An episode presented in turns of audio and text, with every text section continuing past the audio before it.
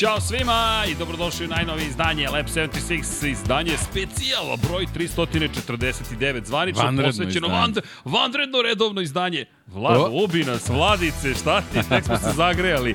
Vanredno redovno izdanje posvećeno nečemu što niko nije očekivao, osim svi zajedno već dve godine, a i sinoć smo rekli, deki, Dobro mi Ćao, došao, Srki. dobro došao, dobro ne otišao. e, pro- ne brinite, nisu majice Dobro iste. ostao. Ili su oprane ako su iste. Se nadam da jesu, ali nismo zalepljeni ovde. U svakom slučaju, ljudi, našli smo se večeras ovde za rad specijalnog izdanja posvećenog jednoj od najvećih priča u modernoj istoriji, bukvalno Moto Grand Prix-a.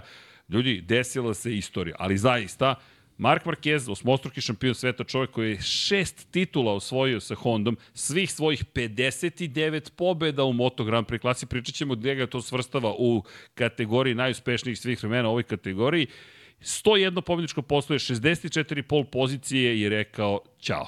Otišao iz Honde uz uzajamno Dakle, uz uzajemni sporazum o tome da se završi njihova saradnja jednu godinu pre isteka petogodišnjeg čuvenog ugovora, potpisanog na kraju 2019. kada su zajedno osvojili svoju treću trostruku krunu, šampioni u konkurenciji timova, konstruktora i naravno vozača. Mark Marquez, Honda više nisu zajedno. Još nismo dobili obaveštenje o tome da je potpisao za Agresini Racing, ali čak i Autosport javio da se to desilo već, samo što mi čekamo i ono zvanično saopštenje italijanske ekipe i saopštenje Marka Markeza, negde kao što smo zaključili juče. Vratit ću se i one naše izjave, ovo ću samo da kažem da je ovo ipak specijal, da je činjenica da nije saopštio da produžava saradnju sa Hondom negde siguran znak da se zapravo razilaze. Pre nego što nastavimo, mazite se ljudi i pazite se, hoću da vam kažem, i vozite i vodite računa jedni u drugima i nećemo da pobegnemo te poruke. Treba da budete dobri jedni prema drugima i prema sebi i devojke, posebno vas pozivam da u mesecu oktobru, mesecu posvećenu povećanju svesti i borbi protiv raka dojke, zato nosimo roze majice, uradite ono najmanje što možete, evo ja vas molim zbog, ne znam, svojih voljenih, ne morate zbog nas, mi smo samo neka ekipa koju nadam se da volite, koja s vama deli strast u ljubavi prema Moto Grand Prix Formula 1, ali proverite se ukoliko nešto postoji, idite na kontrolu kod lekara ukoliko se neke stvari otkriju vreme, konkretno u slučaju kancer dojke, moguće ga je izlečiti. Dakle, postoji mogućnost. Ja vas molim, učinite to, zato što je nama, ako ništa drugo, zabavnije kada ste vi tu i kada svi zajedno delimo radost ili tugu, ne znam ko šta sad osjeća. Pitaćemo vas takođe i u četu, ukoliko ste se priključili, učestvujte sa nama, trudit ćemo se čet da pratimo više nego inače, pošto ovo zaista je jedna posebna tema. Deki, ti si juče rekao i prošle nedelje, ukoliko Mark Marquez ode, koliko ode, to je promjena potpuna Moto Grand Prix-a. Samo da ponovim još jednom, Honda proizvodi 12 miliona i više motocikala godišnje.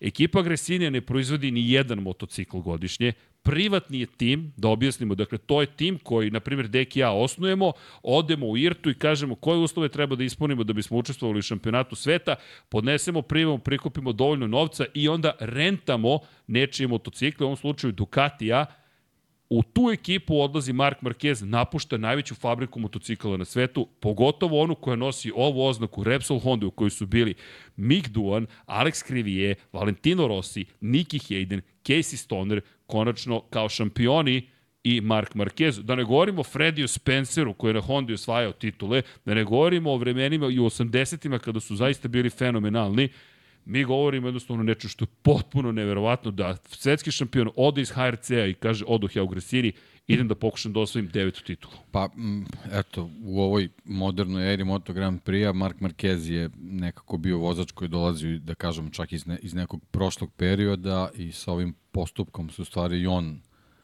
priključio ovaj, toj novoj eri, tačnije sa ovom, ovom njegovom odlukom uh, definitivno dobijamo novu eru Moto Grand Prix zato što se u ranoj istoriji nikada nije desilo da veliki šampioni ovaj traže uh, uspešniji nastavak karijere tako što će sa fabričkog motocikla da, da odu u, u, u privatnu ekipu. To se bukvalno do sad nije desilo, osim u slučaju Valentina Rossi, ali to je samo bio znak da, da praktično Vale završava karijeru. O, ovde je poenta da Mark Marquez nije zadovoljan onim što dobija u Repsol Hondi, iz tog razloga odlazi u privatni tim, to se zaista nikad, nikad nije desilo. I to je u stvari dokaz da i imamo potpuno novu eru Moto Grand Prix. Kraj jedne ere, početak jedne absolut, potpuno druge ere. Ovo je definitivno to.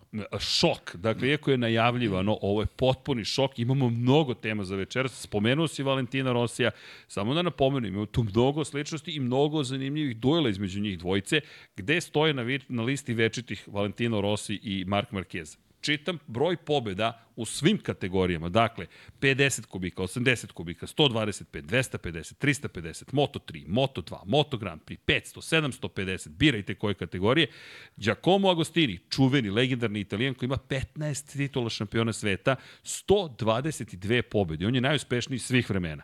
Valentino Rossi, 115 pobjeda, 9 titula šampiona sveta. Angel Nieto, 90 pobjeda, čuveni španac, 13 titula šampiona sveta, kako je volio da govori, dok je bio živ, nažalost. Izgubili smo ga pre par godina, 12 plus jedna titula.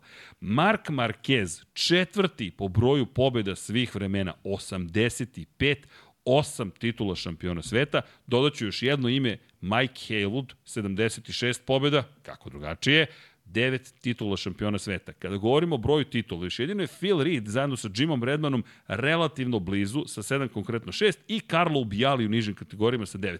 Ima tu još osvajača u nižim kategorijama, konkretno kada govorimo o Johnu Sartizu ili kada govorimo o Geoffu Duku, to je neko drugo vreme, ne umanjujem njihovih 7, to je 6 titula, ali kada govorimo o nekim novijoj istoriji, Valentino Rossi, Mark Marquez su u jednoj posebnoj grupi, jer oni su ti koji su se našli nadomak te desete titula i čuvena priča iz 2015. Neću sada uvlačiti u sve ovo o Valentinu Rosiju, međutim između njih dvojice postoji veliki animozitet i veliki duel. Spomenuo si Rosija, samo da podsjetimo one koji eventualno ne znaju. 2020. je završio karijeru u fabričkom timu Yamahe, poslat je bukvalno otpušten u Petronas Yamahu privatnu ekipu gde je završio samo svoju karijeru. Ali ovo nije završetak karijere. Mark Marquez ovim pokušava da se vrati na tron. O, ovo je zaista šokantno. I spomenut ćemo šta je istorija zapravo ekipe Gresini, ali deki, hajde iskreno, ja nisam očekivao na polovini ove godine da će se ovo desiti. Mislim, bio sam ubeđen da će izgurati ugovor i tek onda videti šta dalje. Ali Honda očigledno ne čini dovoljno. Pa, mm, teško je da, da, da tako nešto može da se desi zbog ovog tempa koji imamo u Moto Grand Prix-u. Jednostavno, ovo je već, već mislim da je čak i, i prošao trenutak kad, kad je morala da se napravi promena. Mi u stvari mi nemamo zvaničnu još informaciju gde će. E, tako je. Mi za sad samo znamo da on sledeće godine neće biti u Repsol Fond. Pa negde okay, se vodimo okay. time.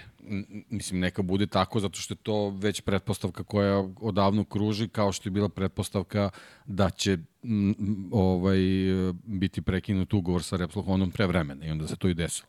Ali, znači, za sad je poenta priče da ovaj, on 2024. neće, neće biti na, na Repsol Hondi uh, i najverovatnija odluka će biti da, da pređe u Gresini. To je ono, ja sam to ono i pre par podcasta rekao, potpuno mi je neverovatno zbog čitavog tog istorijata svetske šampionata da jedan tako veliki šampion ovaj, uh, oživljavanje svoje karijere traži ne znam da li možemo Gresini nazovemo satelitskim timom ili jednostavno privatnom ekipom. On je privatni tim. Tako je. Satelitski je, je pramak, pramak tim da. koji ima da. najnovije fabričke Ducati. Dakle, da podsjetimo, trenutno za Gresini Racing voze Alex Marquez, nije nevažna priča, rođeni brat Marka Markeza i Fabio Di Antonio. To je još uvek zvanično. Očekujemo da tim bude sledeće godine o, zapravo zastavu na Aleksu i Marku Markezu. Aleksu ima dve titule šampiona sveta, Marko ima osam titula, ali odlazi u tim koji, samo da podsjetim, koji je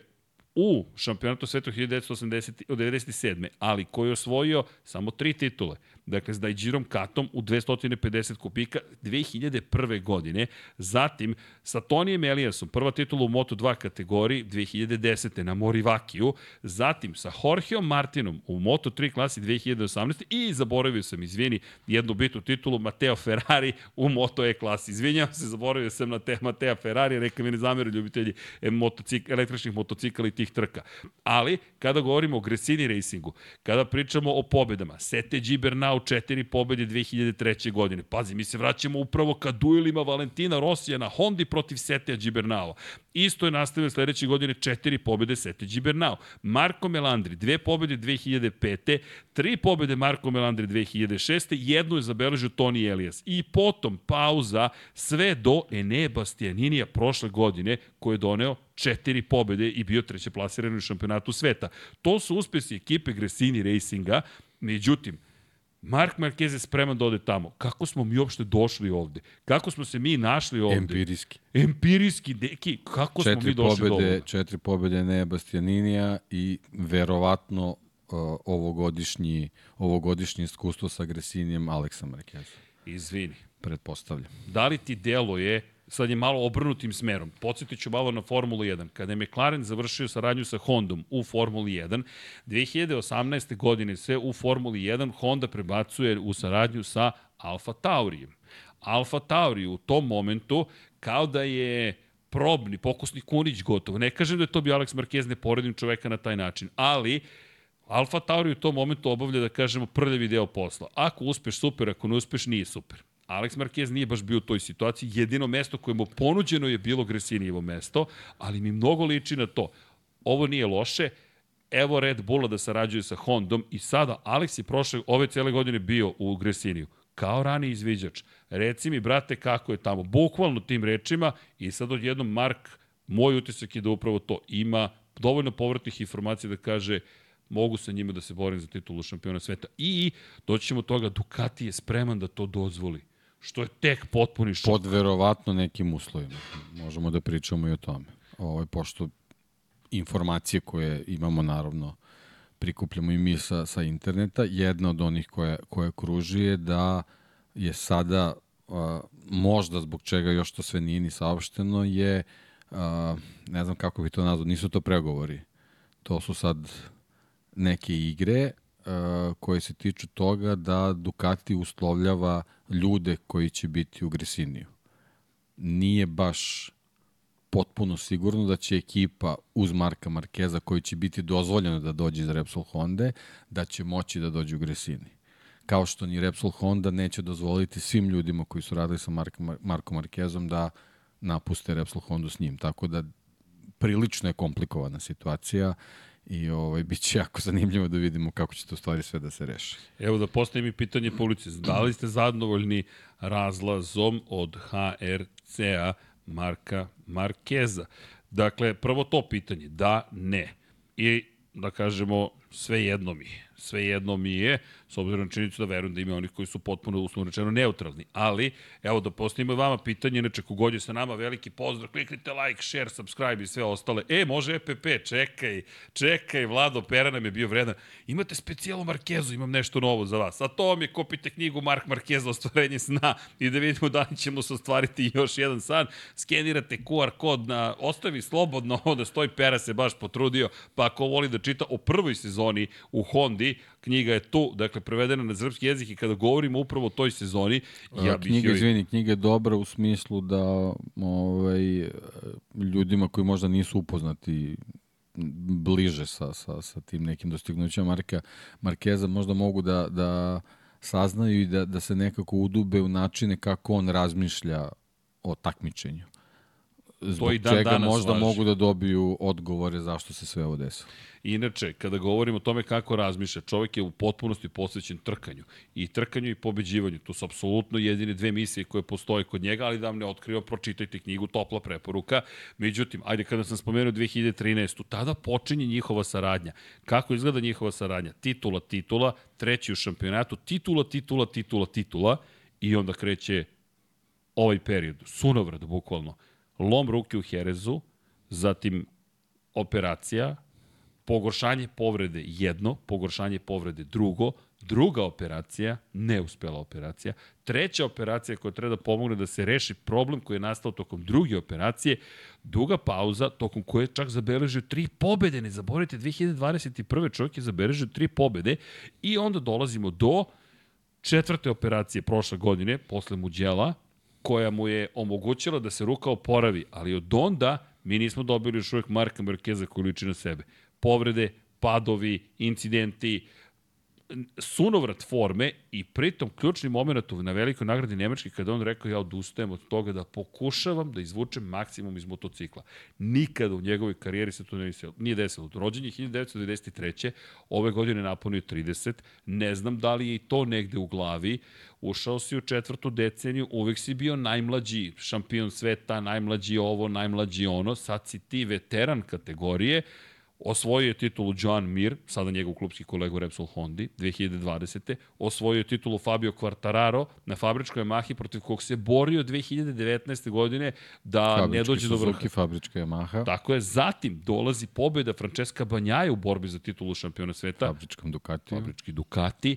I sada, 2023. potpuna katastrofa. Niko se ne snalazi na Hondi, svi su manje više povređeni. Joan Mir ne zna šta će s tom Hondom. Alex Rins je pobedio jednom i zadobio toliko strašnu povredu da još uvek ne vozi, a u Muđelu se povredio u junu ove godine. Danas je oktobar Takaki Nakagami negde pliva između univerzuma raznoraznih, Štefan Bradl je tu i tamo na stazi i dolazimo do toga da je Mark Marquez rekao dosta prošle godine na Red Bull ringu se pojavio sa svežim ožiljcima i rekao ja ovo nisam uradio da bih se vozio. Ja sam ovo uradio da bih se borio za titule.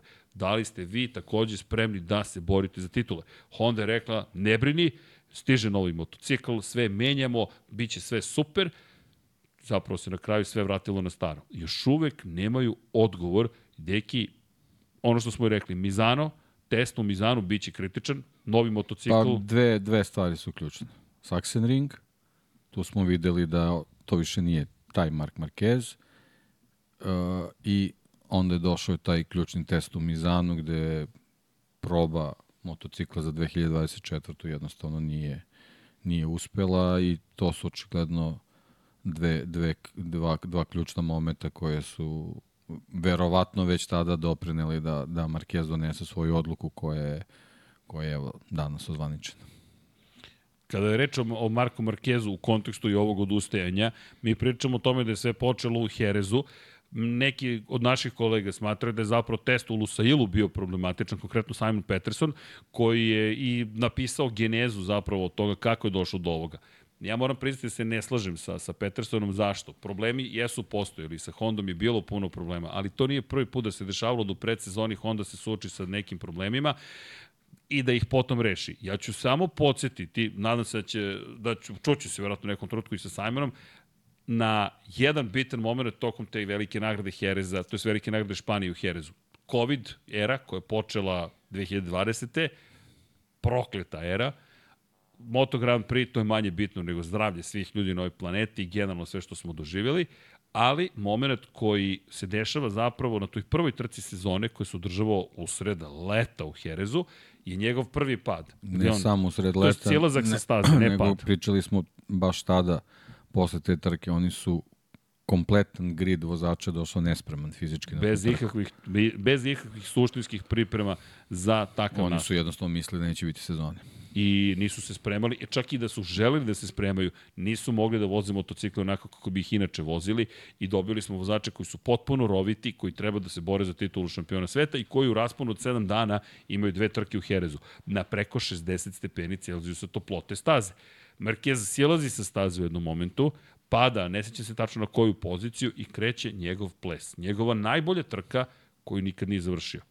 Ako se vratite u Jerez 2020. godine, samo pustite do momenta kada izaći sa staze kada se lomi ruka, šta je on učinio.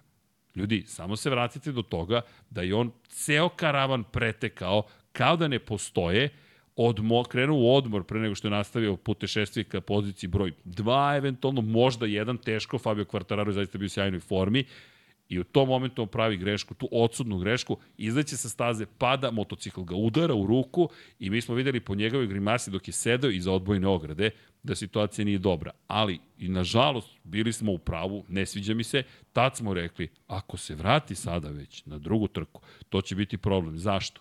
Zato što svaki put kada ne dozvolite svom telu da se zaceli dovoljno i obnovite povredu, nastaje haos. I tu je nastao sada drugi deo haosa. Zato ne verujem u to da je Honda nije bila spremna te sezone. U njegovim rukama, tih ne znam koliko krugova, je izgledalo zaista nestvarno. Pravi vanzemaljac. E, tu je, tu je u stvari nastao taj jaz koji smo uh, sad u stvari uh, dobili u nekoj pravoj meri između tog nekog starog i modernog Moto Grand Prix-a. Znači, Mark Marquez je na toj drugoj trci nastupio kao da sutra ne postoji. A vidimo da u modernom Grand Prix je najvažnija stvar da budeš konstantan. I da... On je, on je u tu drugu trku ušao po nekim pravilima i normama na kojima je on odrastao i na kojima se izgradio kao takmičar i šampion. Jednostavno moraš na svakoj trci da budeš da budeš prisutan, da, da daš u tom trenutku svoj maksimum. To, to je jednostavno, sad je, sad je postala stvar gde, gde možda i od Sachsenringa se i on promenio i shvatio da to više na taj način ne funkcioniše. Nažalost, za njega je to suviše dugo i bolno trajalo, eto, praktično tri sezone učenja i, i, i shvatanja šta treba da uradi da bi možda se ponovo vratio na neke svoje stare staze. E, ajmo da se podsjetimo starih staza. Da se podsjetimo na trenutak, dakle, ja bih se vratio malo samo u prošlost. Debitovao je 2008. godine na KTM-u. Repsol KTM od 125 kubika. To se zaboravlja često, ali mi podsjećamo namerno upravo na to. Repsol KTM 125 CC bio zvanični naziv ekipe jedan plasman na pobjedničko postolje, čuveni sa Scottom Reddingom u Velikoj Britaniji, to ne moramo ni da, ni da tražimo u istorijskim knjigama. Scott Redding pobeđuje, Mike Dimelio i Mark Marquez su sa njim na pobjedničkom postolju, jer to po proseku godine najmlađi pobjedničko postolje i kada Donington čuveni. Pored toga, on ostaje u Red Bullovim vodama i sa KTM-om još dve sezone, u toj trećoj godini u šampionatu sveta svi govorimo kada bi ovaj klinac jednom pobedio, stvari bi se promenile. Pobeđuje, jednom, drugi put, treći put, četvrti put, peti put za redom, ukupno 10 pobjeda na kraju godine, uključujući triumfe gde je bio na začelju zato što je imao probleme u Portugalu s motociklom, to je spad pa pobjeda, dakle neke neverovatne momente, odlazi 2011. u Moto2 klasu, upoznaje Santija Hernandeza, da ne zaboravimo, koji neće, prema svim pisanjima, kao što si reći, rekao, smeti da uđe u Ducati, jer Ducati ne želi navodno, to još nije potvrđeno, da Santi Hernandez dobije priliku, kao ni ostali inženjeri iz Honda, da vide šta je to Ducati napravio. Prosto toliko je i nepoverenje, ali tolike su i razlike trenutno u tehnologiji između Honda i Ducati, da Ducati ne želi to da, da tek tako ode iz kuće. To je makar trenutna informacija koju, kojom raspolažemo. Vidjet ćemo da li je to zaista istina. Kako god, stigao je na Suter, na Suteru, u to vreme sa Hondinim motorom, Ka Katalunja Kajša Repsol, dakle banka stoji iza njega i počinje jednu vrlo čudnu sezonu u kojoj svi odustaju od ideje da će Mark Marquez ikada biti zapravo konkurentan u Moto2 klasi. Zašto? Zato što kada pogledate početak njegove sezone, pad, pad, 21. pobjeda, drugo mesto, pad. Posle tih šest trka već je razgovor išao u smeru da se kaže da zapravo od Marka Markeza ne može da se očekuje da će biti taj veliki šampion koji svi nekako očekuju da će biti. Ne seća se sada na pamet koja razlika bila u šampionatu, ali negde oko 80 poena je bio njegov zadostatak u odnosu na Štefana Bradla, koji zaista sjajno vozio te godine. Štefan Bradla je bio u životnoj formi. Pobeda, peto mesto, pobeda, treće mesto, pobeda, pobeda. Međutim, kao i uvek do tada, Mark Marquez kreće u serijal. Pobeda, pobeda, pobeda. Drugo mesto, pobeda, pobeda, pobeda. Drugo mesto, treće mesto u Australiji. Iako je u Australiji napravio ozbiljan izazv, ozbiljan incident, Ratapark Viljarot, u tom momentu vozi krug pod crvenim zastavama. Završen je trening, dakle svi voze sporo. Mark je jedini koji uprkos crvenim zastavama vežba crvenim svetlima, dakle završeno je sve, vežba brzi krug i udara direktno u Rata Parka Viljarota kog povređuje. E, počinje tada da se priča o tome da li je previše agresivan, nije što ga i dan danas prati.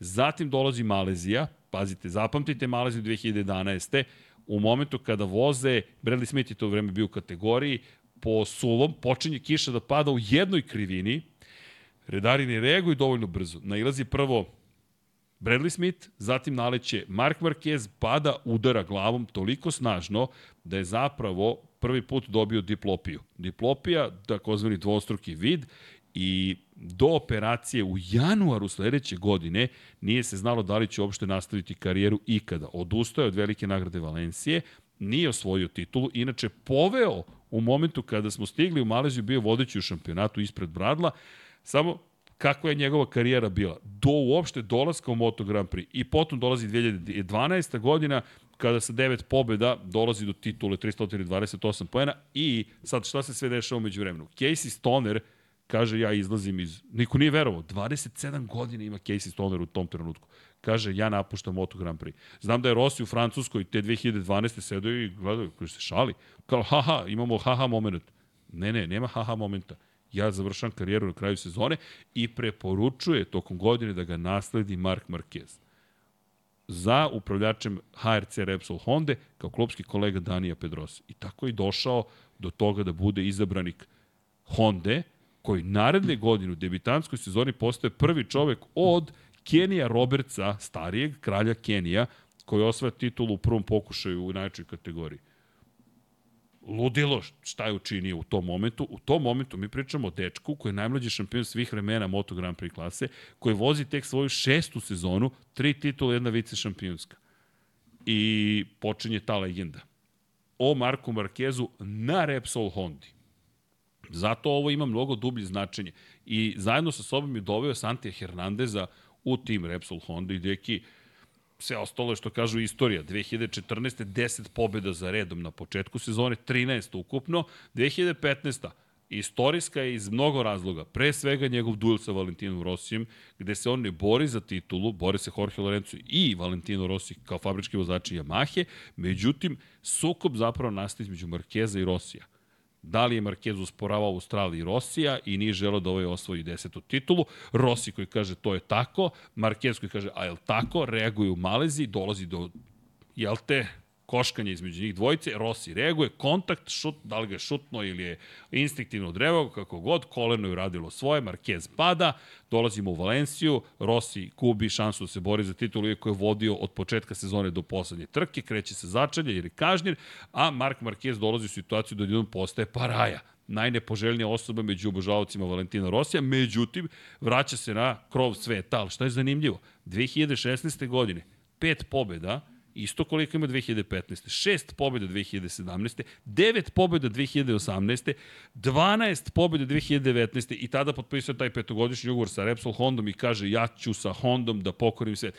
Takeo Yokoyama izjavljaju u tom trenutku, čovjek koji je otpušten prošle godine, koga nema više, gladni smo, tek počinjemo, sve ćemo da pojedemo. Otprilike to je bila poruka od tog momenta Honda ništa nije osvojila. Ovom trenutku je poslednja u šampionatu u konkurenciji timova, možda se sad pomerila. I to je taj, ta geneza kompletna koja se desila umeđu vremenu. I ima još jedna stvar. Ducati, koji umeđu vremenu strpljivo radi i radi i radi i menja Moto Grand Prix.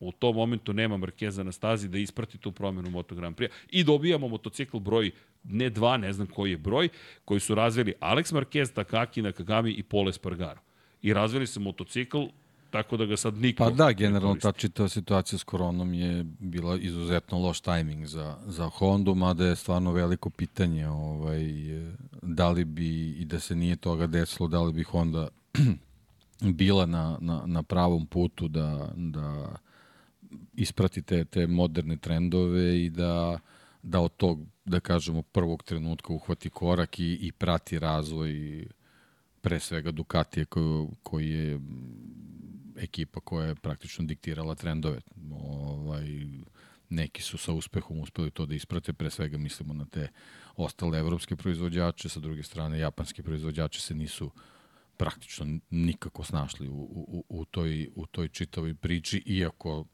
su tu stigle titule i Suzuki-a i, i, i Yamaha, ali to je generalno ovaj, više bio taj, taj neki splet okolnosti i proces koji je trajao do trenutka dok, dok Ducati nije, nije sa, sa pre svega GP20 jedinicom već spakovao tu, tu, tu čitavu priču na taj neki potreban nivo i kasnije praktično samo usavršio kroz, kroz kroz sledeće dve, se, dve sezone, a onda se tu i vraća ta neka priča i postavlja se pitanje, ti, ti uvek ovaj, to spominješ kao, kao uh, ne, neki među period koji se tu pojavio, meni nekako priča sa Hondom prilično liči na priču sa Yamahom, sada iz ove perspektive kad gledamo, ovaj, koja, koja praktično tvrdoglavo drži neki stari koncept motocikla i ne menja ga. Meni ovo sa Hondom danas, sa svim tim uh, pokušajima da, da neki vozači urade nešto drugačije, naprave neku evoluciju, revoluciju, šta god, liči na to da ta neka 2011. taj neki boravak Casey Stonera šampionski u, u Hondi, da u stvari on i u Hondi bio čovek koji je postavio neke osnove za, za šampionski motocikl koji se prenosio u neki sledećih 5-6 sezona i u stvari da je to bila da je to bio taj zamajac koji je, koji je držao Hondu uz naravno van serijskog vozača kakav je, kakav je Mark Marquez u, u samom vrhu, međutim kako, kako su se pojavili novi trendovi nije nije uspeo da živi neki, neki novi kvalitetan koncept uh, Hondinog trkačkog motocikla koji, koji bi poslužio kao osnova za, za ovaj sadašnji period i eto zbog, zbog čitavog tog perioda sa covidom, odsustva Marka Markeza, grupe vozača koja definitivno Izvini, nije, nije imala kapacitet da, da donese neku promenu. da Dani da. Pedrosa ode u redove KTM-a. Da, sad sam hteo da, da i to stavim kao, kao još, još jedan uh, bitan moment, neprepoznavanje u stvari talenta koji Pedrosa očigledno kao i Stoner nosi, nosi sa sobom i eto to je ono ono što smo ovaj na kraju dobili i što je u stvari sad taj neki neki epilog te čitave priče sa Repsol Hondom koja u ovom trenutku ostaje bez uh, najistaknutijeg vozača praktično u svojoj istoriji, bez, bez, bez dileme i jednostavno mora da gleda ovaj, na koji način prvo da nadomesti e, njegove kvalitete, ali i ono na, na čemu već radi, kako da konačno spakuje ponovo jedan, jedan konkurentan motocikl. Kada spominješ ajde, naj, uspešnost određenih vozača. Spomenuli smo u istoriji gde zapravo stoji u celoj ovoj priči kada saberemo sve kategorije Mark Marquez u ovom trenutku. Iz perspektive pobeda, neka to bude jedan od glavnih pokazatelja. Kada pogledamo Moto Grand Prix klasu, Valentino Rossi, najuspešniji vozač svih vremena po broju pobjeda u najčoj kategoriji. Hajde da pogledamo te kraljevske titule. 7 titula šampiona sveta, 89 pobjeda, 68 pobjeda ima Giacomo Agostini, 21 manje, iako ima 8 titula, ali ima 21 pobedu manje od Valentina Rosija. Mark Marquez, 59 pobjeda, pozicija broj 3. Sve su ostvarene sa Repsol Hondom, najuspešniji je vozač te ekipe svih vremena, uspešniji čak i od Mika Duana, koji je na četvrtom mestu u, u istoriji po broju titula oprostite, ne po broju titula, po broju pobeda, ali možemo da pričamo o titulama. Marquez šest u Moto Grand Prix, pet ih ima Duan i onda dolazi Jorge Lorenzo sa 47 triumfa, tri titule šampiona sveta, pa Casey Stoner sa 38 pobjeda i dve titule šampiona sveta, Mike Halewood, 37 pobjeda, četiri titule. Znate ko je na poziciji iza Majka Halewooda? Čovek bez jedne titule. Dani Pedrosa. 31 pobjeda. Eddie Lawson ima 31 pobedu u istoriji i četiri titule. Dani Pedrosa ima isti taj broj i nema ni jednu titulu. Spajam dve priče. Prvo Mark Marquez sa 59 pobjeda gde se nalazi u istoriji Repsola, to je Repsol Honda, u istoriji kraljevske klase sa šest titula, samo su uspešniji od njega Rossi i Agostini. Što takođe mislim da je velika motivacija da se izjednači sa Rossijem po broju ukupno titula i titulu Moto Grand Prix, i ako može da nekim čudom dođe do 10 i Giacomo Agostinija, dakle ti pretičeš Agostinija u Moto Grand Prix klasi, Rosija u Moto Grand Prix klasi i Rosija ukupno po broju to titula, I napomenjamo ovo Daniju Pedrosi kada se spomenje da li je vanzemaljac Dani Pedrosa. Apsolutni vanzemaljac, možda nikad nije krunisan u ovoj kategoriji, ali neverovatan vozač. Prvi pa evo sledeći... sa ovim, sa ovim stvarima koje sada radi kao, kao razvojni da. vozač, kao tema, to je nešto što niko u istoriji do sad nije, nije uradio od svih njegovih velikih rivala, bez obzira koliki šampioni bili ili, ili, ili nisu bili, znači eventualno Casey Stoner. Znaš šta Honda još nije prepoznala? Njegovu spremnost da toliko testira da. i vozi. Da. Jer mi nismo imali... Pa to je možda i do Puđe. Njega nismo ni spomenuli. Recimo. Alberto Puđ koji je učestvovao u mnogim sad stvarima. možemo, da, možemo sad da, da diskutujemo i o, i o njegovoj ulozi koja iz ove perspektive ugra, uglavnom priča o odlascima vozača. Sad, kad pogledamo ne može da se, mislim, tu su, tu su dolasci koji su se neslavno završili manje više. Da, ti kada pogledaš kao menadžer ekipe, nije ni blizu Livija Supa. Livija da. Supa koji je sa Šuejem na Kamotom. Inače, Ja mislim da je Shuei Nakamoto kreator zapravo uspeha da. Repsol Honda. Shuei Nakamoto je došao inače u Moto da. Grand Prix iz Formule 1 kao čovek koji je ostao bez posla da. kada je Honda otišla iz Formule 1, kada se otvorio put Bronu, Ross Bron da, da kupi Hondu. Nakamoto stiže u Moto Grand Prix i Nakamoto iz Ducatija, pazi sad ovo, Pazi sad, ovo ima, ima, nabacujem ti tvoju temu koju si ti pokrenuo, tako je, a to je, dovodi Livija Supa, preuzim ga iz Ducatija, koji sa sobom koristi svoj adresar, dovlači Casey Stonera. Sa Caseyem Stonerom stiže titula u Repsol Hondu, prva posle pet godina od Nike Hayden, jer šta je doneo njima, ajde doći ću do toga, ali da, da, da mi ne pobegnula misa. Dakle, mada, moram, izvinjam se na digresi. Šta je Hondi doneo sukom sa Rosijom? 2003. kada su mu rekli to je do motora, nije do tebe. Doneo im je da 2004. i 5. gledaju Rosije na Yamahi kako osvoje titule, da osvoje titulu, zahvaljujući nevjerojatnom Nikiju Haydenu, neću da pripisujem sreći, Niki Hayden je bio nevjerojatan te godine, da, imao je milijardu pehova Valentino Rossi, ali Niki je bio tu da odradi posao i previše poštujem Niki rad van staze, na, to je na stazi tokom testiranja i priprema. S druge strane, 2007. Stoner na Ducatiju, 2008. Rossi na Yamahi, 2009. Rossi na Yamahi, 2010. Jorge Lorenzo na Yamahi. Pet godina su čekali, e to su dobili sa Casey Stonerom dolazi titula ponovo, što se njih tiče, kući nazad u najjaču ekipu. Sledeće godine ponovo gledaju Jorgea Lorenza. Gde opet ne priznaju njegov doprinos. Da, inače ne priznaju mu gde on je otišao između ostalog, pa se prvo vratio u Ducati, pa otišao u Hondu, pa vozio 8 časova Suzuki za Hondu, pa mu onda rekla to što si pao nema veze s nama, da bi se ispostavilo da se Sajla Gasa zaglavila, da bi potom otišao u Ducati i pomogao Banjaji da... Sećamo se njegovih testiranja u Maleziji. Čovjek tu, je, tu je počelo sve. Čekaj, glavobolju sad tu je počelo sve. Čovjek je bio drugi u testovima. Dakle, bio drugi, ne, u jednom trenutku čak najbrži bio u Maleziji na testovima, penzioner. A Dani Pedrosa dođe na stazu i dan danas može da se bori za pobedničko postoje. Ali, to je neka druga priča. Elem, 2013. stiže Marquez, s Marquezom stižu uzastopne titule. Prvi čovek od Valentina Rosija i Mika Duana koji osvaja uzastopne titule Mark Marquez. Alex Krivi je imao jednu, pa ponovo pauza. Pa je došao Rossi, pa tri za redom. NSR 500, RC 211V, RC 211V, odlazi na Yamahu. Niki Hayden jedna titula, Casey Stoner jedna titula i onda kreće niz koji je stvorio zapravo Mark Marquez da ne zaboravimo prosto sve te stvari koje su dođe. Mnogo se desilo kada je reč o Marku Markezu u, u ovih 10 godina. Pa ovo njemu je tek 11. sezona u Moto Grand Prix, ali godine čine svoje.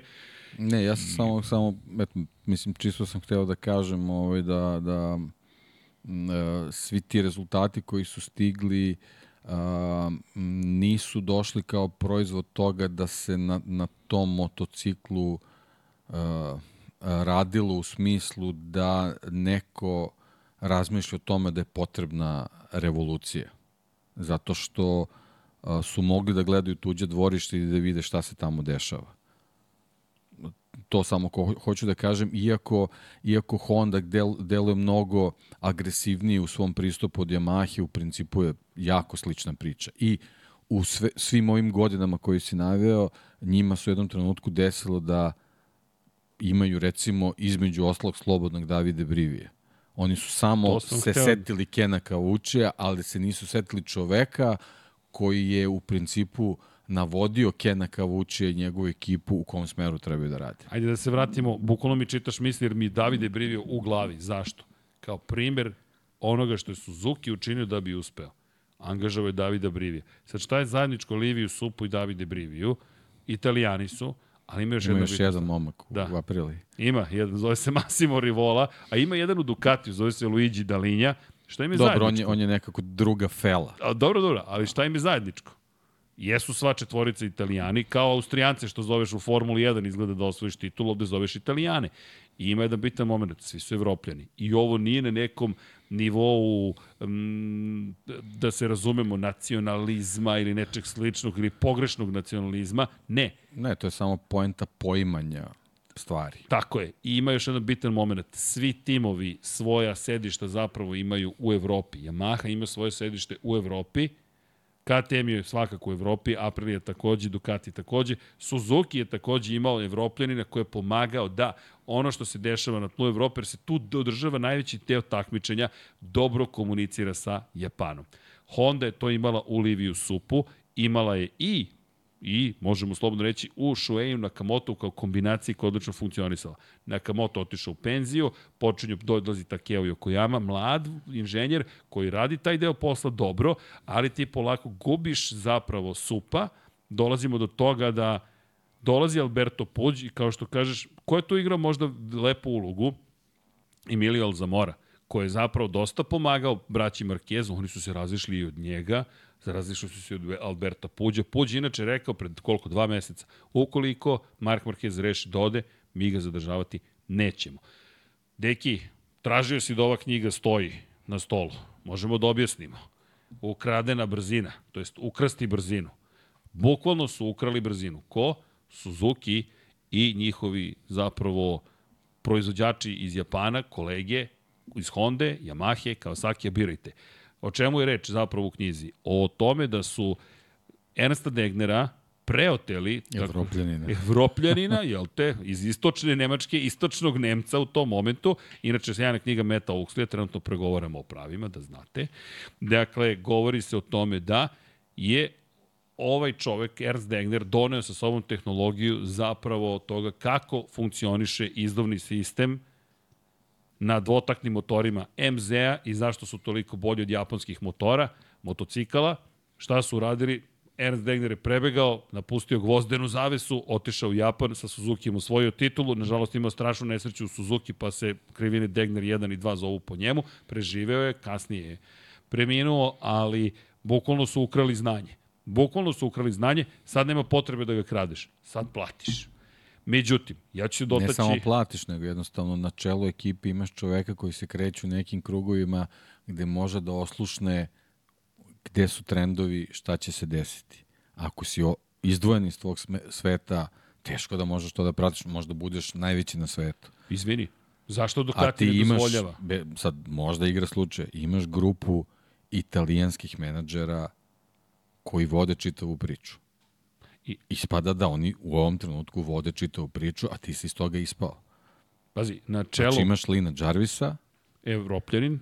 Nemaš veze što je, što je ovaj, evropljanin ili on jednostavno nije u tim krugovima. Okay. To hoće da kaže. A ovde imaš Puđa koji očigledno neku, neku filozofiju sledi i desi se ovo što se desi. Samo da se vratio na Lina Jarvisa. I on je evropljanin koji ima mnogo uspeha, samo što je Evropljanin koji bojim se da je zreo za penziju. Imao je uspeha u, u prethodnoj nekoj drugoj eri. eri. Tako je. Danas se, se definitivno otvorila nova era.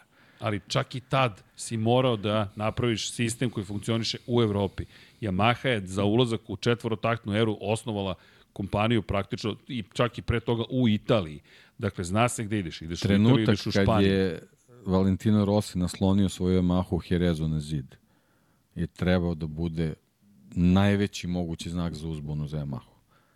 Seća se tog momenta na ne, kada ne znam je, to prvi ili drugi, Yamaha. prvi ili drugi Jerez. Je, mislim da je to drugi, e, kad mu se pokvarila znači, Yamaha. U sve one ne. probleme sa, sa homologacijama i sve ono što su imali, taj trenutak je trebao da, da, da bukvalno stalno svi kažu čekaj, ovo, ovo ništa ne valja. E, lepo je što si krenuo od Yamaha, jer bih se ja dotakao Yamaha. Koja je ekipa odbijala, to je proizvođač da angažuje bilo koga iz Manjeti Mareli, godinama govoreći da će sami oni da razumeju Marelijevu tehnologiju bolje nego oni sami. Svi ostali su angažovali inženjere iz Manjeti Mareli, da ne kažem Magneti Mareli, jel te? I doveli ih kod sebe da im porade na, na, na elektronici. Zašto? Zato što mi imamo zapravo, zapravo standardizovanu elektronsku kontrolnu jedinicu koju je proizveo spomenuti Manjeti Mareli. Svi ostali su ih angažovali, rekli, ovi ljudi znaju šta su pravili, ajmo da ih angažujemo. Ducati ne samo što je koristio tu, tu, tu, tu, taj, tu ECU jedinicu, već je dozvolio kroz otvorenu kategoriju da svi timovi rade na razvoju elektronike, pokupio gro znanja, doveo ljudi, to je to. Yamaha je govorila nećemo, nećemo, nećemo, nećemo, nećemo. Na kraju je počela da angažuje četiri italijanska inženjera, koliko se ja sećam, su dovedena, ali mnogo kasno da bi razumeli šta tu funkcioniš. I to... Mnogo vremena, energije, novca, izgubljenih trka. I to odbijanje košta. Da. Inače, ti si mi rekao pred početak, dakle šta? Da je ne insistirao, da je tražio da dođu evropski inženjeri u Hondu. Da ovo nije kritika Hondi, ovo je samo konstatacija stvari koje smo viđali u istoriji, kroz Formulu 1, kroz Moto Grand Prix. U Japanu teško prihvataju pomoć sa strane. I u ovoj situaciji mislim da je došlo do kulturološkog razmimoilaženja gde je Honda rekla ne, mi ćemo na naš način.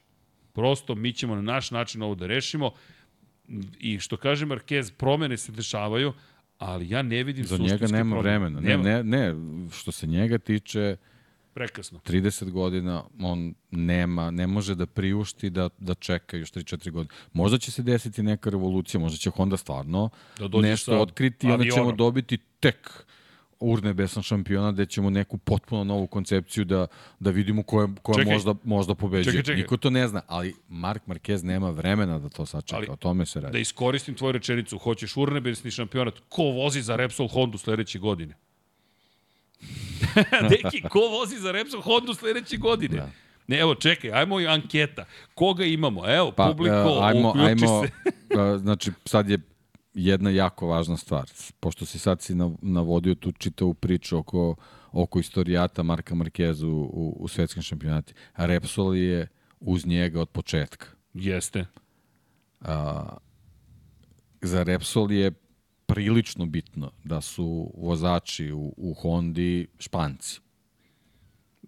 Uvek Što bilo. se toga tiče, jedan najverovatnije ostaje, mada i on tokom ove sezone, mislim na Đojana Mira, izjavljivo da mu je svega dosta i da, i da razmišlja o, o završetku karijeri i tako dalje i tako dalje. Sad možda ovo, ovo, ova čitava priča možda njemu malo uzbruka krv, pa možda ovaj, i, i promeni svoje mišljenje u smislu da više ne razmišlja o odlasku, nego da eto da, da, da proba da, da vozi još, još jednu sezonu. A, poenta je što imamo tu jednu grupu grupu vozača koja ovaj stiže sa, sa iz, iz Španije I ono što smo, ne, ne sećam se više nikada smo pričali, znači ja mislim, mislim da smo pričali kad je Pole Spargaro potpisao za Repsol Honda. Ja mislim da ne postoji ni jedan španac u ovom trenutku koji kao mali nije sanjao da obuče kombinezon Repsol Honda. Bez obzira u kakvom je sad stanju Repsol Honda. E sad, a, Repsol ima, ima tu neku svoju filozofiju i oni podržavanja mladih talenata. Ja ne mogu sad da se setim gledam, gledam već anketu ovde, da li je neko od ovih momaka već imao Repsol na svom kombinezonu? Da li uopšte bilo kakve vezi sa Repsolom? Pedro Costa, KTM. Ja, ja ne mogu da se setim, zaista. Augusto... Nema veze što je KTM, nego da li je i, i Mark Marquez je bio KTM, pa imao ekipa, se, e, ekipa je imala ne, pe, Repsol. Ej, vidi, pa i u knjizi, ko je sponsor knjige? Izvini, pola izjava imaš na kraju knjige koje daju ljudi iz Repsola. Dakle, bukvalno imaš, jednostavno imaš situaciju u kojoj... Kako se to radi, Srki? Sponsor plati knjigu. Spon... Znaš. e, ali mi, ba, mi smo sami Čak i ako si Mark Marquez. Naš sponsor u ovoj kameri, zove se Publika. Dakle, hvala vam ljudi za svu podršku sponzora. Tačno imate, evo ga sponsor, dakle, kupite knjigu. Dakle, evo ovo smo objavili, tako da znate. Neko mi je danas rekao, čekajući vašu knjigu kao čekamo Ferrarijevu titulu. Ali stiže, ne brinite, Deki će dobiti čir na želucu, ja batine. Zašto? Ali ne, ne, ne, za knjige. A to, to. da, da, da, da, da. Ali činjenica je da, je, da se Repsol spominje. Čekaj da imamo Pedro Acosta, ja se ne sjećam da je imao, da je imao na sebi Repsol, osim kao jednog od. Vidi, nije, nije to sad ključan detalj, ne mora uopšte da znači da je tako. Ja samo, samo hoću da, da, da, da napomenem da, da ta neka zvezda koja, koja je, je pratila Mark, Marka Markeza između oslog je toliko sijala što je on imao bezrezervnu podršku uh, takvog giganta i, i praktično je bilo jasno da ako on u, u nekom trenutku svoje mlade karijere uh, iole ovaj, potvrdi taj talent u koji, u koji su svi verovali da je njemu put ka Repsol Hondi potpuno otvoren i to se na kraju i desilo. Mi sad trenutno imamo, juče smo pričali o tom, imamo situaciju sa Pedrom Akostom koji treba da bude buduća zvezda Moto Grand Prix-a, on je praktično na vetrometini. Apsolutno nema, nema podršku kakav bi, kako bi trebao da ima momak koji neko, nekoj, nekoj perspektivi vrlo, vrlo blisko i treba da, da, da donosi novu, novu armiju gledalaca Moto Grand Prix-a i da, da ih privoli, privoli ka, ka tom takmičenju. Ajmo ovako. Ako si ja, ja ili ti da smo, da smo Albert Valera, ja bi već odavno bio na vezi sa, Vidi, ako sa nije, Puđom, ako, ako, je, ako nije, već treba ostaje... da ga otpusti ako osta. Dakle, a Fernandezov, e, kogod je menadžer, ako nije na telefonu s Repsol Augusto Hondom, Fernandez, otpusti ga. Uh, nude ti mesto test vozača, uh, gas gasa, ti si aktualni Moto2 šampion između ostalog, Mark Marquez je kao aktuelni Moto2 šampion Čekaj, čekaj, čekaj, čekaj. upravo to hoću te vratim. Hajmo da se vratimo na sekund. Gde je bio u momentu kada, ja se sećam dana kada je saopšteno da Mark Marquez potpisuje za Repsol Hondu. Znaš gde sam bio? u garaži Katalunja Kajša ekipe Moto2 čekajući intervju sa Markom Markezom koji godinu ranije nam je dao intervju bez problema, jer je tačno jedan novinar tražio sa jednim snimateljem. Dakle, naš drag, dragi Cok i ja smo stajali jedini godinu ranije i bili ubeđeni da je to budući šampion sveta i da ne znam o čemu diskutujemo, jer smo ga videli uživo. I to nije pitanje bilo kakve emotivnog stanja. Ne navijamo za Marka Markeze, navijamo za Valentina Rosija, obožavamo trkanje, ali kada gledaš čoveka pokraj staze, idite na stazu ljudi, kupite ulaznice gde god, vidjet ćete zašto pričamo nekim ljudima drugačije. To možete samo na stazi da vidite. Gledaš klinca u krivini, cok dolazi kod mene godinu ranije i kaže, Srki, on će sve da pobedi. Verujte, tako izgledao. I mi smo bili ubeđeni da je to intervju koji treba da imamo. Dobili smo ga ovako lagano, jer je bilo nula zainteresovanih za nje. Sledeće godine mi pogađamo dan kada se u Mađelu u četvrtak saopštava Mark Marquez prelazi u Repsol Honda. 40 novinara u našem terminu stoji da gurne mikrofon njemu u nos i mi kao, mi imamo termin, znate, mi imamo slot. Slot je prošao prijatelju, srđane, tvoj slot je prošao zajedno sa ugovorom koji je upravo potpisan. Ćao svima, ćao Srki, ćao Cok. Bukvalno to bilo, ali se sećam dana. Pedro Costa, Danas nije Muđelo, nije jun, danas je oktobar, izjavljuje, ne znam gde ću da vozim sledeće godine. To je, nije, nije razlika. Mi govorimo o nebu i zemlji, mi govorimo o sramoti za KTM. Za mene je to sramota za KTM. Ali, možda je ovo blagoslov za Pedra Kostu. Možda Pedro dođe sad i kaže... Pa znaš kako, sramota za KTM, ne, ne sramota za KTM, očigledno da se uh, uh, uh, KTM nije bez, bez razloga involviran, to jest prikuplja neke informacije iz Formule 1, to pre svega iz, iz funkcionišanja Red Bull Racinga i Red Bull Akademije. Ma super. Imamo, imamo primere iz prošlosti kako se tretiraju vozači. Tako da to Ali nije postoji ništa jedna neobično. velika razlika. Za razliku od Formule 1, gde imaš jedan Red Bull Racing koji dominira, da. imamo Luigi Dalinju koji je spreman da da što svoj pre Ducati u Moto Grand Prix shvate da Moto Grand Prix nije Formula 1. I da ne, ne treba po da tom smeru. nego po, po nekim konceptima koji nikada neće moći da budu isti, to će biti bolje za njih. Vidi, ovo ne može da se desi u Formuli 1 upravo zato. Imaš dominantni Ducati i nije ga zaključao da linija i rekao neće ovo niko da dobije. Ja nego, sam, evo, eto tebi, sad kad, tebi, si, tebi, kad si tebi, spomenuo tebi, taj intervju sa, sa, uh, sa, sa Markom Markezom, ja sam 2006.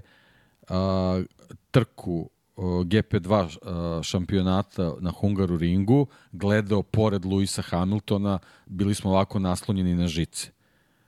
Luisu Hamiltonu u tom trenutku Ron Dennis zabranio da daje bilo kakve intervjue za medije, zato što se znalo da će već sledeće godine da bude u McLarenu. On je bio buduća zvezda Formule 1 i to je bilo zakucano da će tako da se desi. Ti sad u ovom trenutku imaš Pedra Kostu koji bukvalno Ono, Vidi, ako KTM zaista razmišlja na taj način, silno greši. Ti iz njegovih gestova vidiš da, da on više nema to neko držanje kako bi trebao da ima čovek koji treba da bude superstar vidi, sećam se Markeza u tom trenutku, on jedino što nije shvatio kojom brzinom će čak i njemu porasti status u, u, u svetu automobilizma, automotosporta. Jer od jednog momka koji je dan ranije u sredu stigao u Muđelo i nije interesovanje, bilo je interesovanje, postojalo, ali ne, ti si sad deo Repsol Honda i Casey Stoner te imenovao za svog naslednika. To je bio Mugello, nije se čekao oktobar, novembar, decembar. Ne, u Francuskoj u maju je rekao Casey Stoner odoh, U Jonu se već znalo da dolazi Mark Marquez. To je bio velik potpis. To je bio ogroman potpis, bez obzira što je hipertalentovan. Još nije bio osvojio titulu, ali je, čak nije, nije osvojio titulu, ali je to bilo to. Tako da, ko će da sedne na Repsol Hondu? Ja nemam pojma, deki, ali želim da saznam što pre. Pri čemu? Koga bi ti volio da vidiš? Koga bi volao da vidiš? Ja bih volao da vidim na prvom mestu Pedra Kostu, zbog Dobro. čitave ove situacije koja se dešava, a zbog te iste situacije, u slučaju da to nije Kosta, Augusto Fernandez. Pazi, Pedro Costa, Joan Mir kombinacija ili Augusto Fernandez, Joan Mir. Da. Ne zvuči loše ni u kom da. slučaju. Pri čemu, pazi sad ironiju, da si Augusto A Fernandez... to mesto su, izvini, ako idemo po toj nekoj španskoj liniji, naravno, apsolutno zaslužili i Raul Fernandez i Jorge Martin. koji ima ugovor za sledeću godinu za prima pramak Tako. Ducati, Tako ali rekao je da hoće fabrički, fabrički, hoće fabričko sedište. Ali znaš šta da te sad ja pitam, odakle smo krenuli? Mark Marquez neće fabričko sedište. Mark Pa, to je- to je ta neka nova era, da. motocikl Tako koji je. može da mu omogući da se bori za titulu šampiona sveta. I spomenuo si Jorgena Martina, meni se čini da i Martinovi uspesi i Bastianinijevi uspesi samo potvrđuju ono što je negde znao Mark Marquez, možeš i na privatnom motociklu da Pa ti... da, to je, to je sad ta neka nova priča koja, koja u, u nekoj eri, kad smo mi počeli da gledamo ovaj, kraljevsku klasu i generalno svetski šampionat u motociklu, motociklizmu jednostavno nije a, ne, a, ne, da ni, ne da je bio nemoguć, nego jednostavno fabrička ekipa je bila fabrička ekipa. Ti si sad Pa spominjao... bilo je mnogo sličnije Formuli 1 Tako zapravo nego sada. Upravo, upravo to. Moraš da. odeš tamo da bi imao šansu da osvojiš titulu. I fabrike se bore, fabrički timovi se bore zapravo za vrh sveta. Sada je potpuno druga priča. I da te pitam pitanje, pitaću i publiku, da li je bolje da ideš u Repsol Hondu ili na Gas Gas Tech 3? Pa šta je bolje? Ako je Mark Marquez rekao, pa, neću e, Repsol ti, Honda. Na primer, pitajte Pola Espargara. U onom trenutku kad je prelomio. Odlično poređenje. Repsol Honda, sad da mu kažeš, hoćeš Repsol Honda ili da ostaneš ovde u Gas Gasu? Baš me zanima što da. to, njega treba pitati. Ej, Polo, oslobodilo se sedište, hoćeš nazad ili... Tako i prelomio kad je prvi put odlazio. Ne prelomio, nije imao šta da prelama. On je, to- to on je ponuda u, mil- koja se u milisekundi kad, kad, Tako je. je, kad je video kako ga zove, on je znao šta će da odgovori. I da vi prebrojimo odgovore. 53% kaže Pedro Acosta, 16% kaže Augusto Fernandez, 7% kaže Raul Fernandez i neko četvrti 24%. Ko je neko četvrti?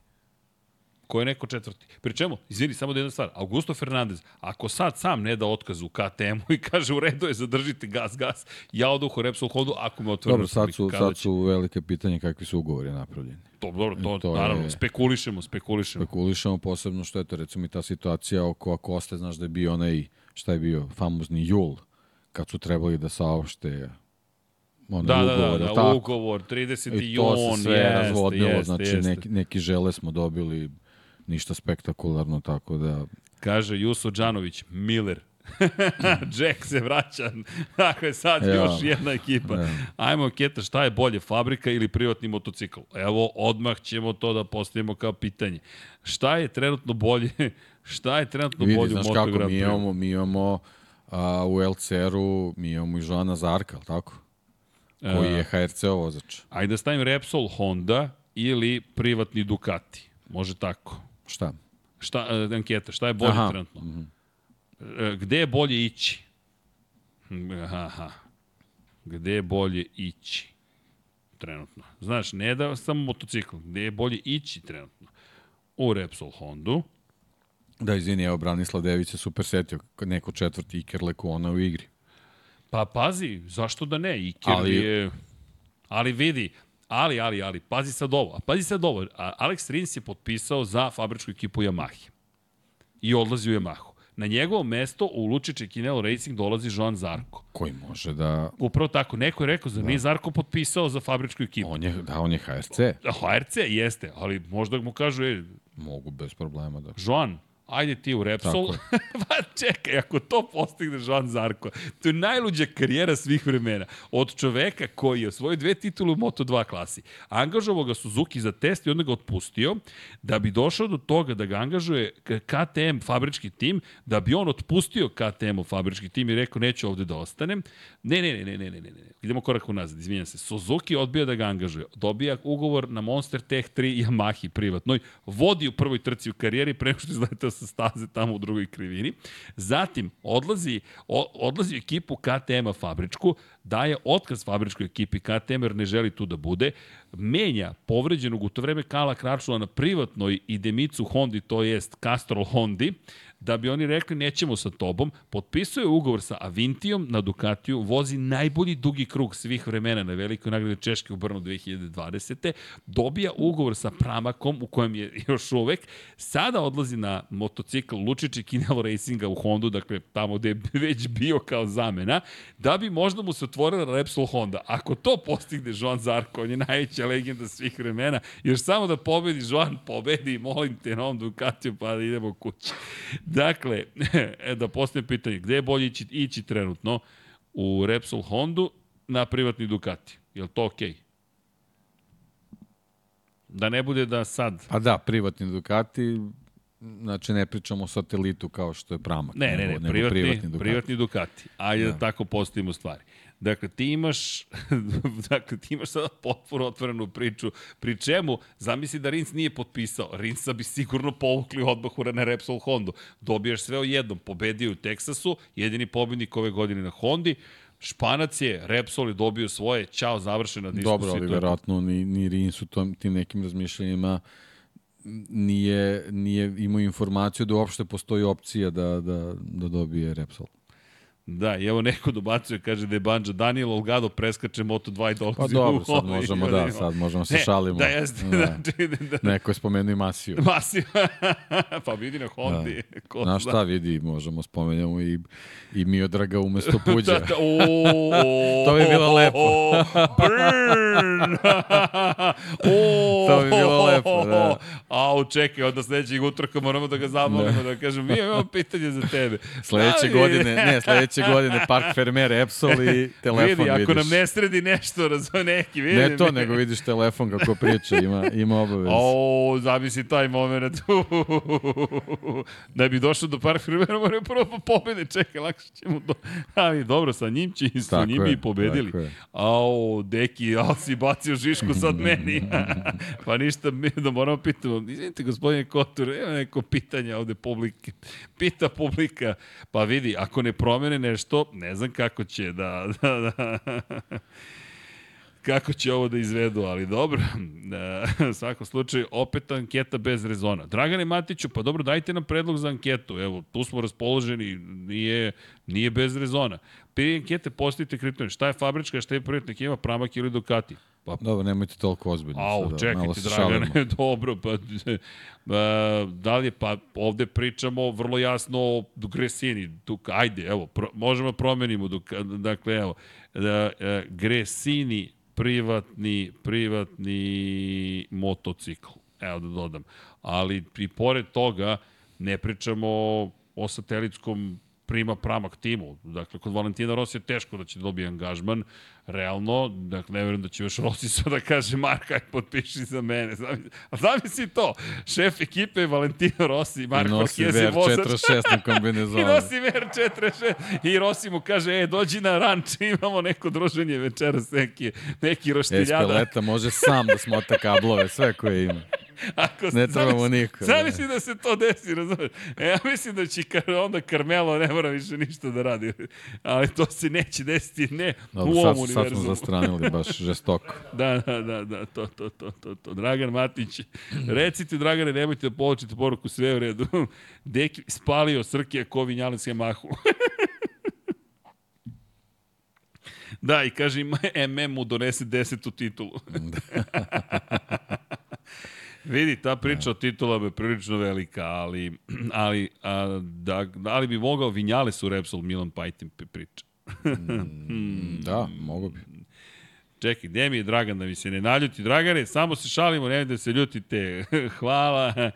Dajte predlog. Dajte predlog i, i, i samo udrite.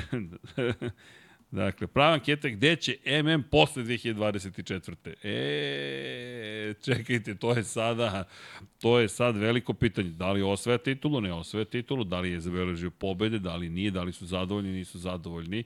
Ovo je sada baš, baš velika promena. Mnogo velika promena. Ovo nismo nikada ranije doživjeli. Pa ne, ova, ova promena je u principu linija manjeg otpora.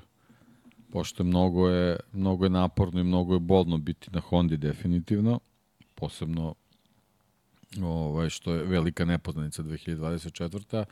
i nekako linije manjeg otpora da, da sedneš a, na motocikl koji je trenutno u ovogodišnjem šampionatu na prve dve pozicije u, u plasmanu vozača.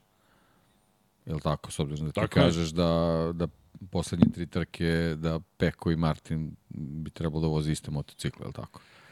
Pa da, oni, Znači, oni, on bi trebao da sedne na jedan od ta dva motocikla, što znači sigurno ima nešto s kojim će moći tokom Q2, Q2 da prati vozača kojeg bude želeo i uneti, uneti potpuni haos u, u kvalifikacije sledeće godine i, i psovanje i ljutnju i tuče i sve živo. ne, pazi, a pritom, ajmo psihološka To snaga. je taj moment ko- koji, koji meni uopšte nije jasan zašto Ducati dozvoljava da se desi sledeće godine. Pazi, Ducati je kao da je rešio gladiatore da napravi od svojih vozača.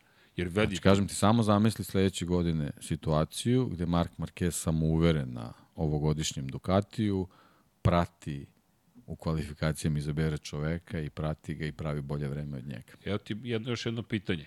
Pozovu nas na prezentaciju fabričkog Ducatija i pozovu nas na prezentaciju Gresini Ducatija. Gde idemo? Da, ako istog dana. Da. Gde idemo?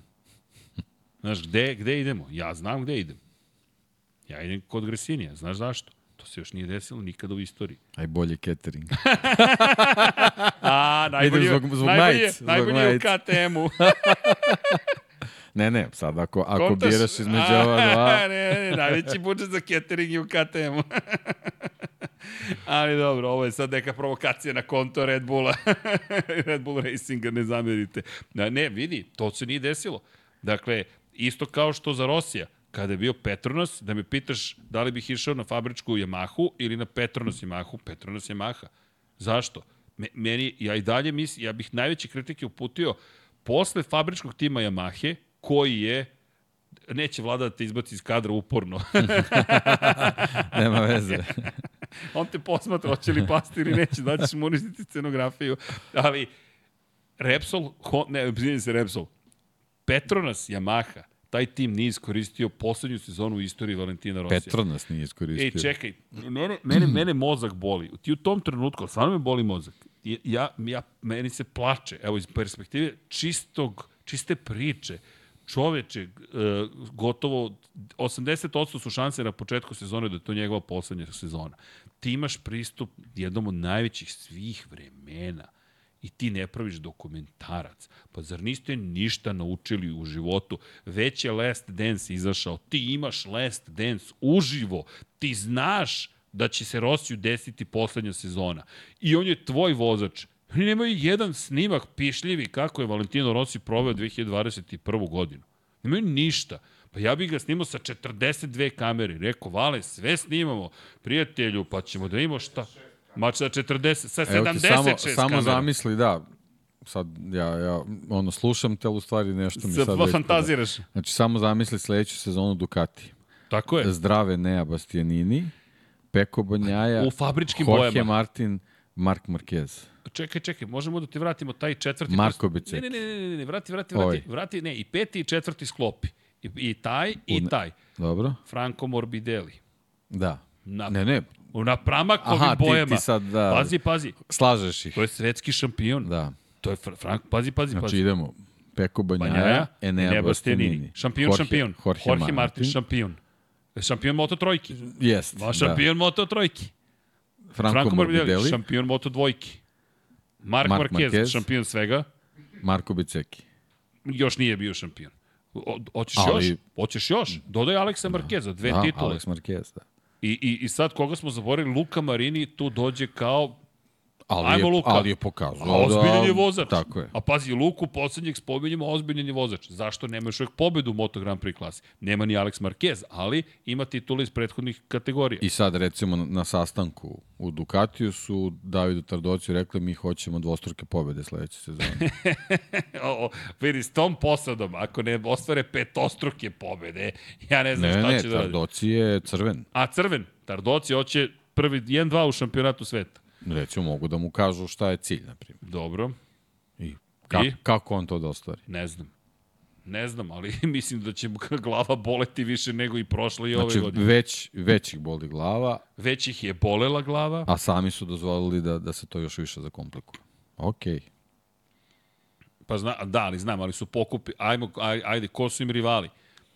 Fabio Quartararo može da se nosi na vozačkom nivou, ali s čime? Sa čime? Jednostavno, Yamaha ja ne vidim da će to popraviti. Alex Rins, Alex Rins. takođe na Yamahi, Texas. dakle, El, je Texas. Texas, eto. Texas i Indija. I Silverstone. Ind, I Indija, Silverstone. Indija. Čekaj, čekaj, Silverstone. dodaj. Očigledno Texas, Indiju i Silverstone moramo da spa... Bio si, bio si, namiri su si Indiju, Silverstone. To su rezultati. Možda, ne, Argentina je Alešova, a, i verovatno i Katalonija, to su njegove. Ali, pazi sad ovo. U aprili imaš Vinjalesa koji još nije došao do tog nivoa. Aleš ide u penziju. Opa, E, o, evo je, bum. Istina. Pala je, palo je carstvo Repsol Honda Mark Marquez. Dakle, kada govorimo o tome šta nas čeka, Zašto se naginje? zašto se naginje? Pa možda se 100 nagnuo.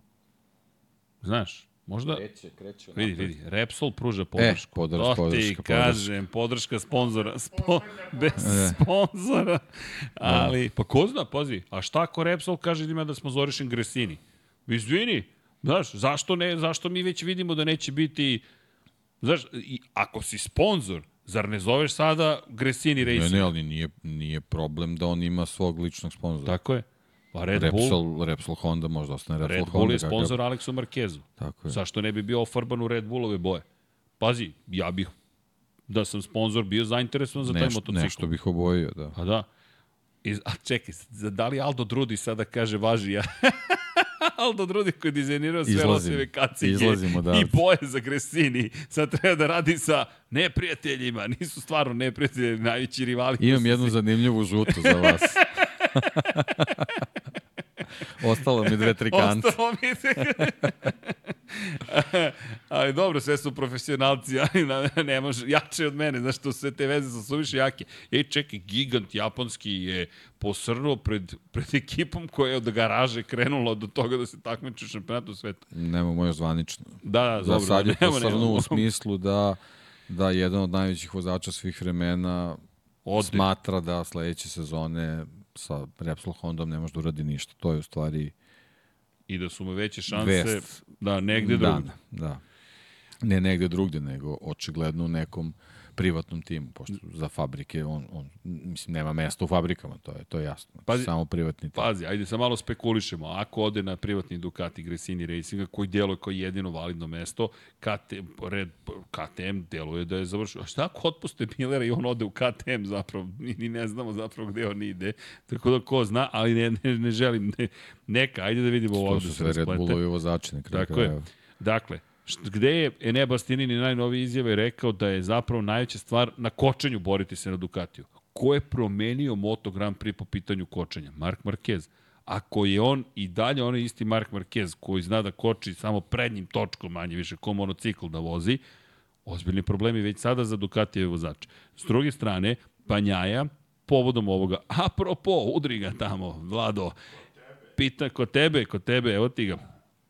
Apropo, toga, može, može, toga da imamo osam vozača na Ducatiju koji su toliko moćni koliko jesu, Banja je rekao, činjenica da ima osam Ducata, Ducatija u šampionatu daje veći kredibilitet mojoj tituli. Tačni tituli, kogod da je osvoji. Složit ću se s njime, s obzirom na činjenicu da zaista za razliku od Formula 1. Ako si u tom kupu najbrže. Ako si u, tom kupu najbolji, ali samo zamisli, to smo pričali, zamisli Red Bull da sad podeli, evo Alfa Tauri dva bolida, evo dva bolida Williamsu, evo dva bolida, ne znam, koje sad nema više privatnih baš ekipa, sve su povezane sa fabrikama, ali ajde da kažemo Hasu i eto, osam Red Bullovih vozača se takmiči. Čupavo. I činjenica da ta titula zaista bi vredela, bit će to zanimljivo. Ali eto, e, kada govorimo o, o pa e, ali čekaj, a šta Peter McLaren je postavio to pitanje na krešu, da li Fabio Di Gianantonio dobije ponudu Honda da pređe kod Lučije Čekinela kao Italijan, a Zarka pomeruje Repsol Honda. Sad smo već otišli u, sad smo već otišli u predaleko. Ok, deki, mi smo morali da se skupimo večeras ovde. Ljudi, ovo je istorija. U svakom smislu te reči, da velikan sporta, i zato smo krenuli od njegovih rezultata, Ovo je velikan sporta, 85 pobjeda ukupno, 8 titula ukupno, 6 titula u Moto Grand Prix klasi, 59 pobede, treći je po broju titula iza Agostinija i Rosija u kraljevskoj klasi, treći je po broju pobeda u kraljevskoj klasi, četvrti je svih vremena po broju pobeda u svim kategorijama, Kada je reč o broju titula, gde je na ja nisam, nisam siguran. Dakle, imamo Giacoma koji je sa 15, 13, Rossi 9, Mike Helwood 9 i onda dolazi Mark Marquez, peti u istoriji po broju titula svih vremena u svim kategorijama. Kaže Repsol Hondi, najpoželjnijoj zvan, zvaničnoj ekipi na svetu, ne mogu sa vama da radim, ja moram u jednu malu, ako je to put kojim će ići italijansku ekipu koja ima koja će imati prošlogodišnju verziju Ducatija da bih pokušao da se vratim na vrh sveta. To se nikada u istoriji Moto Grand Prix-a nije desilo.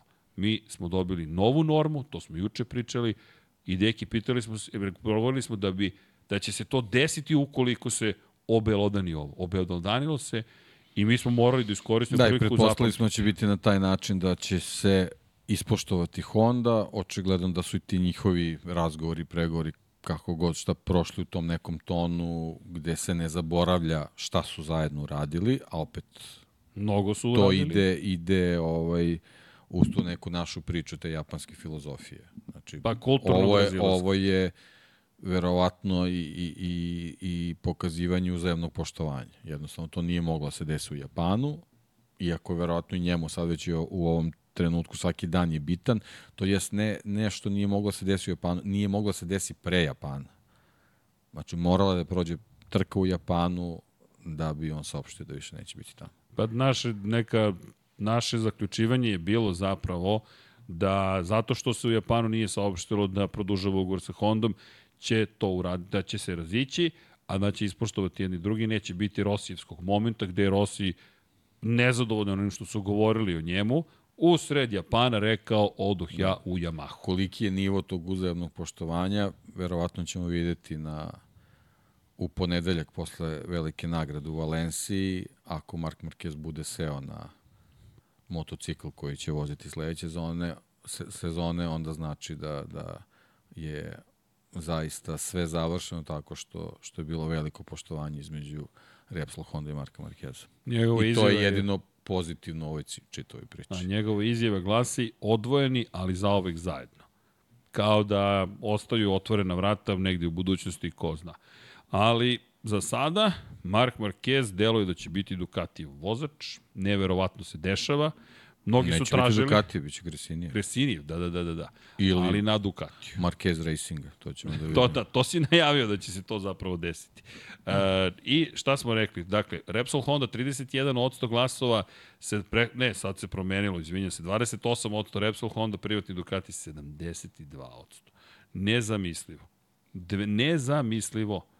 I ono što ostaje kao pitanje i što jeste, što smo zamoljeni, hajde da postavimo i pitanje gde će Mark Marquez biti 2025. Čisto se igramo ljudi. Da, i evo pitanje Nikola Carlito, kako će biti bratu Aleksu. Teško, kao što mu je bilo Repsol Hondi, ali ajde sada da vidimo na drugačijim motociklima koji bolje poznaju, ekipi koji bolje poznaje, da li će se zaista desiti nešto drugačije. Dakle, ajde da vidimo. Poenta je za, za, za 25. mnogo mnogo mesta će se otvoriti. I u principu zavisi od, od 24. godine što se tiče Marka Markeza. Gde Jel on mora prvo, prvo sebe da ovaj, sebe da odmeri, da li je da li je zaista onaj stari, pošto on na, na, na, na nekonkurentnom motociklu možda ne može naj, najbolje da pro, proceni ovaj, svoje trenutne mogućnosti, osim svoje želje koje, koje neupitna. Znači, Mark Marquez je, što se tiče svog mindseta i, i, i razmišljanja vezano za takmičenje, verovatno potpuno isti. Sad je samo pitanje koliko njegovo istrošeno, izmučeno telo u stvari može da, da, da izdržite napore modernog Moto Grand Prix-a, to će on moći samo da moći će da, da proveri samo na, na verovatno konkurentnom motociklu koji će imati uh, sledeće sezone i sa druge strane svi zainteresovani za, za usluge Marka Markeza koji budu imali slobodne pozicije će na osnovu njegovog nastupa sledeće godine moći da, da da u stvari odluče da li su zainteresovani za njegove usluge ili nisu. Ukoliko je velika godina za njega. Verujem da ćemo najavljivati 2024. iz njegove perspektive. Neko je napisao, e sad Crk Marko Hektor, ne zna se ni gde će 2024. kamoli 25.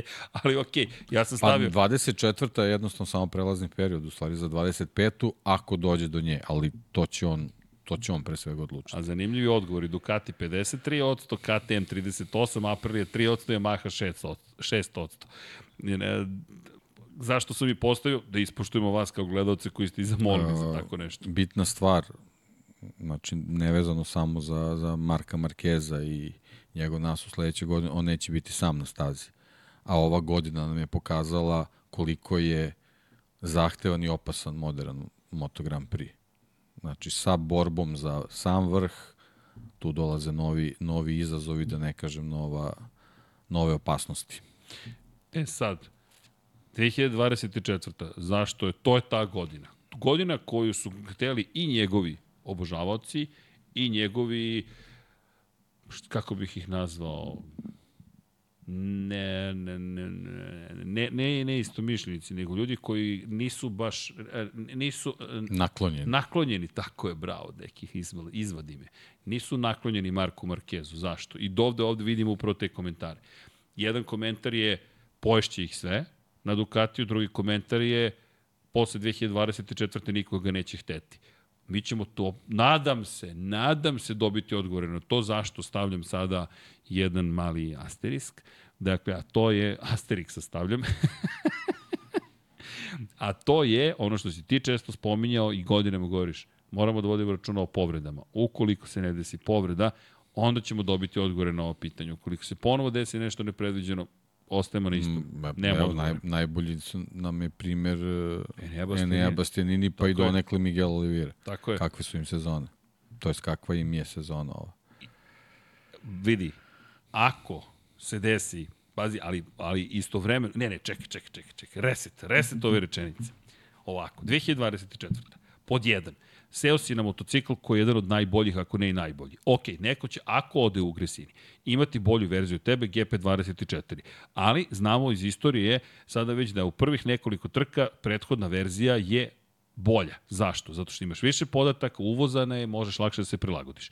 Vremenom fabrički motocikl počne da napreduje i počne da zaostaje starija verzija dobijaš taj motocikl. Izgovora na nivou ovaj motocikl ne može da se vozi, nemaš. Imaš sedam ljutih aždaja koji su na sličnim, ako ne identičnim motociklima pored tebe.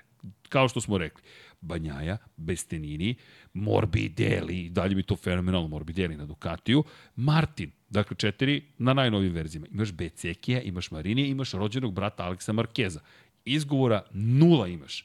Ukoliko pobeđuješ, dominiraš, Dakle, aha, to je taj Mark Marquez.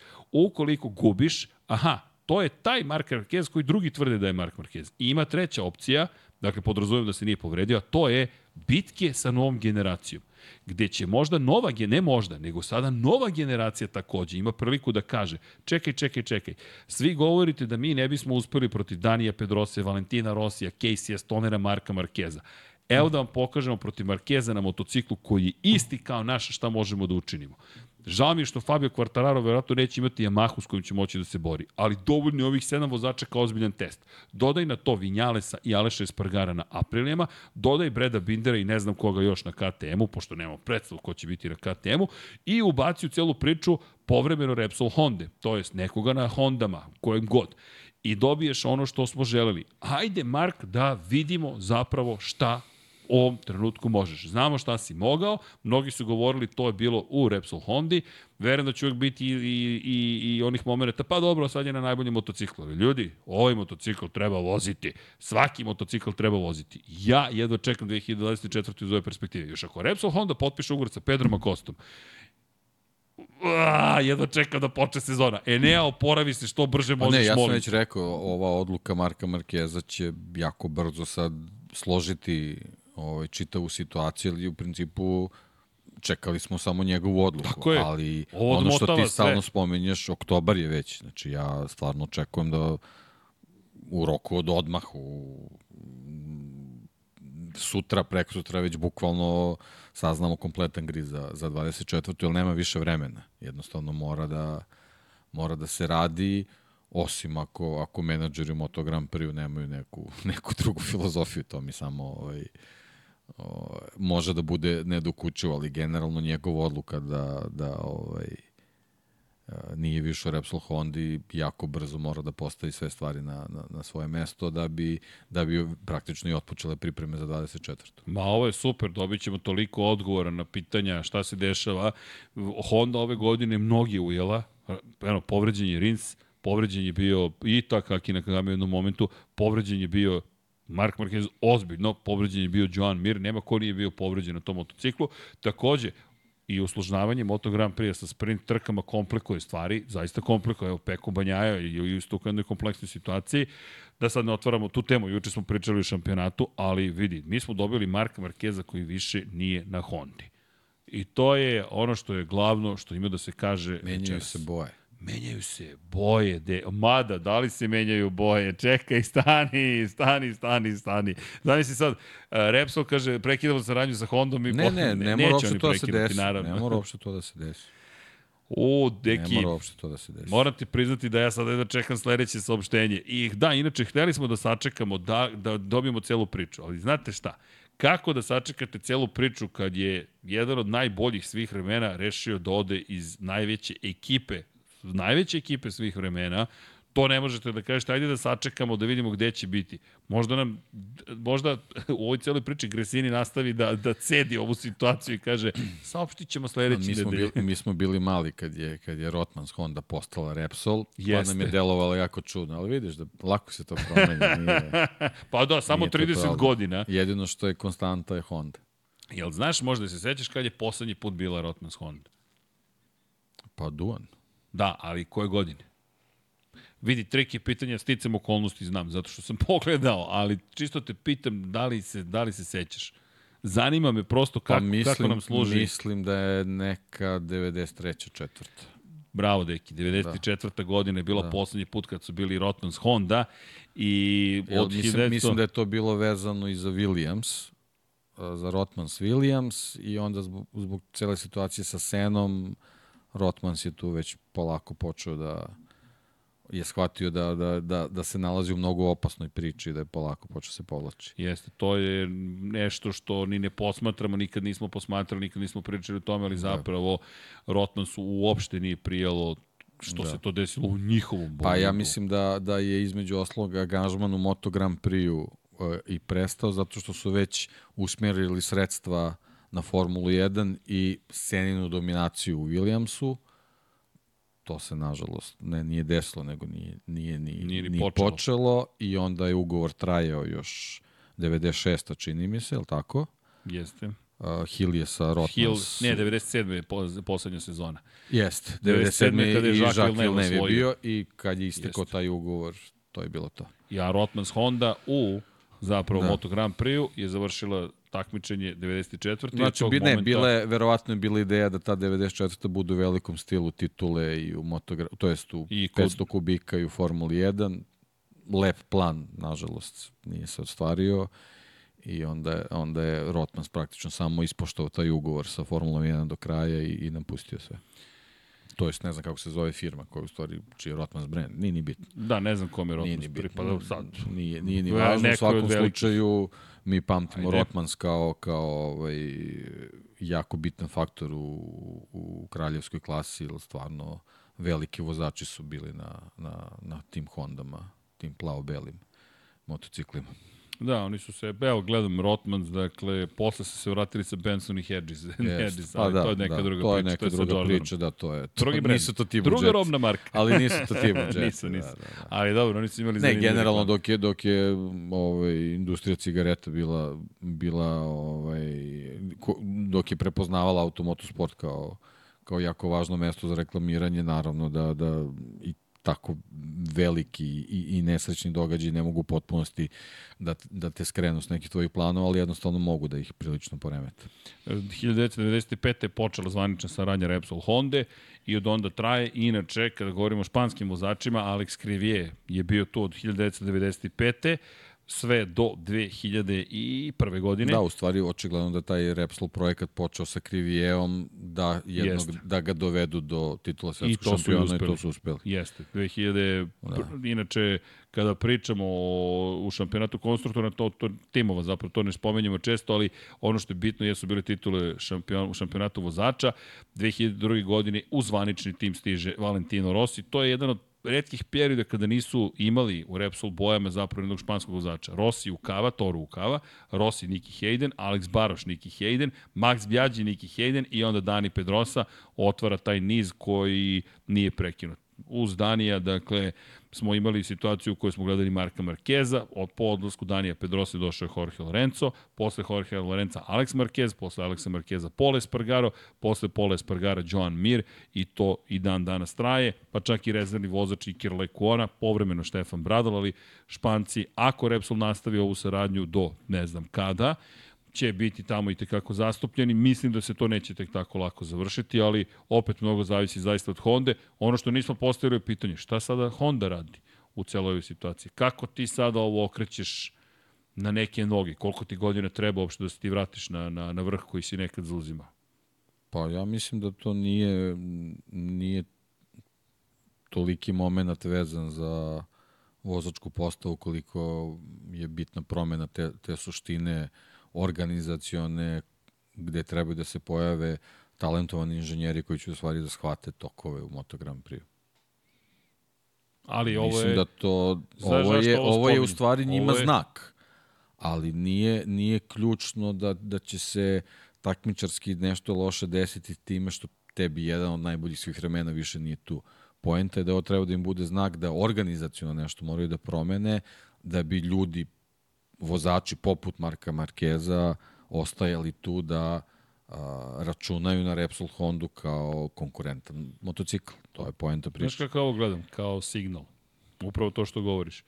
Ne da će Mark Marquez i njegov ostanak učiniti stvari boljim sam po sebi po Hondu, ali ako ti imaš Marka Markeza u svojim redovima i ti sutra dovedeš neku novu grupu inženjera, moje mišljenje je, aha, ovo je velikan sporta, ajmo da se potrudimo, ajmo da, znaš, da li Mark, i to će isto biti zanimljivo, mada Mark Marquez ne ide u ekipu kojoj treba ta vrsta pomoći, ono što je moje pitanje zapravo, Mark Marquez, njegov odlazak, da li je sada to nešto što će na tektonskom, na, na tektonski način poremetiti ne poremetiti, naterati Hondu da se promeni upravo iz ovih razloga spo, koje Ja spomenjamo. se iskreno nadam da hoće. Neko je Da. vas napustio zbog da. male italijanske Da. da. ekipe koja ima prošlogodišnju verziju motocikla.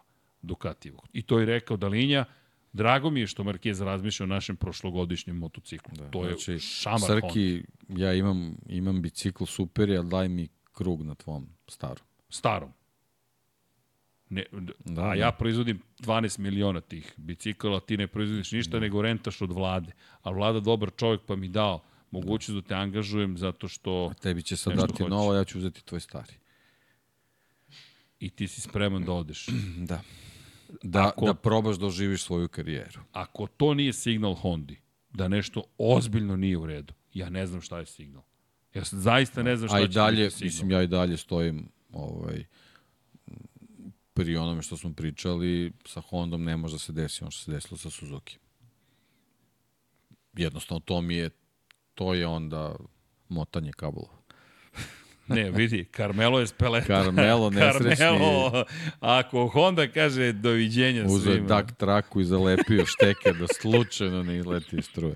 Ne, ne, ne, ne, ne, ne, ne, ne. Ako ne smeju da dozvoli Hondi da ide bukvalno, sad Carmelo mora da ode u Japan i da kaže, ok, drugari, šta, šta radimo? A oni jesu Carmelo potpisali je ugovor. trebao KTM-u da da peti motocikl. Tako je. Trebao je, je. trebao je ozbiljno da sedne sa svim ekipama i da kaže šta možemo da uradimo da Honda i Yamaha nešto promeni i tako dalje i tako dalje. Kao što je učinio da bi KTM postao konkurentni, da se razumemo, ovo nije za Honda ili Yamahu. KTM je omogućio da postane konkurentni, Aprilia je omogućio da postane konkurentni, Suzuki je omogućio da postane konkurentni, sve se to dogodilo. Ducati je našao načina da sam sebe učini konkurentnim, svaka čast Ducatiju skidan kapu, kroz otvorenu kategoriju, kroz davanje velikog broja motocikala, kroz davanje najnovijih verzija motocikala satelitskim ekipama, kroz pružanje podrške i dalji razvoj starih motocikala. Jer korisnici starih motocikala i dalje dobijaju nove delove. Dakle, Ducatiju sve čestitke za ovo što je učinio, konačno i Dalinji koji je rekao dajte da pričamo sa Hondom i Yamahom, da vidimo kako da učinimo šampionat zanimljivijim. Jer oni su svoje već ostvarili, izdominirali su, osvojili titule, bitka treba nam svima, to je bit. Hajmo da vidimo ko je bolji, trenutno Ducati jeste taj. I fascinantno mi je što ne dozvoljavaju da Iko ko je dugi niz godina bio u Hondi uđe u Ducati, ako je to istina, ima logike, jer vidi, deki, ti 20 godina radiš negde. I sad odeš kod konkurenta, sad ja te pozovem, gde si deki, šta ima novo, kako si, šta si zbio? Možeš mi kažeš nešto. I ti kao, ovo je moja stara firma, stara ljubav zaborava nema, daj da im malo pomognem. Ne moram da kažem, konkretno radimo to i to, ali kažeš, pa pogledajte možda izduvu ili pogledajte, ne znam, taj taj deo. Znaš, to ljudi smo, koliko god delovo, kao to niko ne radi. Ko to ne radi? Ljudi, to su, to su ljudske prosto emocije pre svega. Tako da je Ducati najverovatnije, ja mislim da zaista neće dozvoliti, što će takođe biti šok, to znači da sa Santim Hernandezom od 2011. saranja koja je započeta se prekida. Posle 13 godina. Vidi, to je, mislim... To je pola života ne, ne. Ne to, nego sad mi je... Da. Šta, ako recimo Carlo Pernat odigra svoju igru i Fabio Di Giannantoni ostane u Gresini.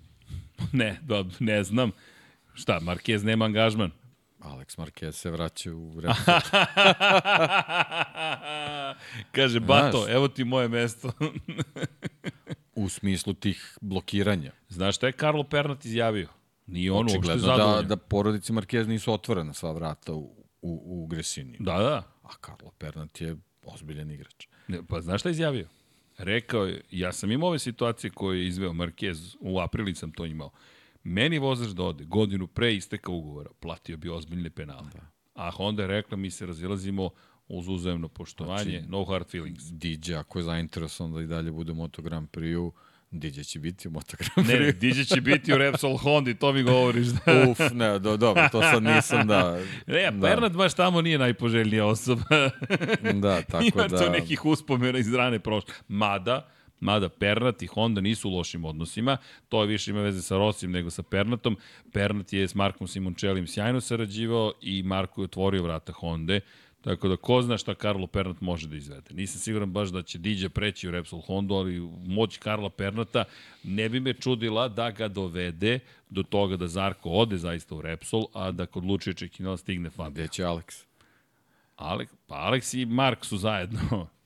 A Diđa ide umesto Zarka u Lučiće Kinelo Racing koji odlazi u Repsol da, Honda. Da, u, u tom smislu da, u tom smislu. I onda da, imaš da. Aleksa i Marka zajedno u Onda Gresini. oni ostaju, a, a, da, da. a ti si dobio ugovor sa HRC-om za Fabio Diđan Antonija što me ne bi čudilo da zapravo izvede. Sam sam sebe zbunio. Da, da, a, a pritom Pedro Acosta koji kaže, ej ljudi, ja osvajam sve titule ovde, ja sam najbrži na svetu, halo! Kao ja. halo! E, gas, gas. Albert Valera. Albert Valera. Ključan, ključan čovjek mora, mora da bude agresivniji. Da si potpisao sa Pernatom, ko zna gde I bi za, sada bio. I za Jorge Martina i za Pedra Costa. A ja ako misli nešto da uredi. A ja samo klikćem refresh. Dok traje podcast refresh, hoće li neka vest, neka društvena mreža? Da. Mislim da, da neće. Mislim I, da ipak neće. je to izgleda samo Moto Grand Prix. Nije to Formula 1. Nije to Formula 1. Ali dobro. Ali Zato dobro. smo mi kao Formula... I, da samo da se razumemo, dakle, kada kritikujemo Moto Grand Prix, što neke stvari ne radi kao Formula 1, kao što možete vidjeti, nije to jedan na jedan. Kritikujemo mi podjednako i Formulu 1, kritikujemo mi Moto Grand Prix, kada ono dobro iz Formule 1 ne preuzme, a kada preuzme loše.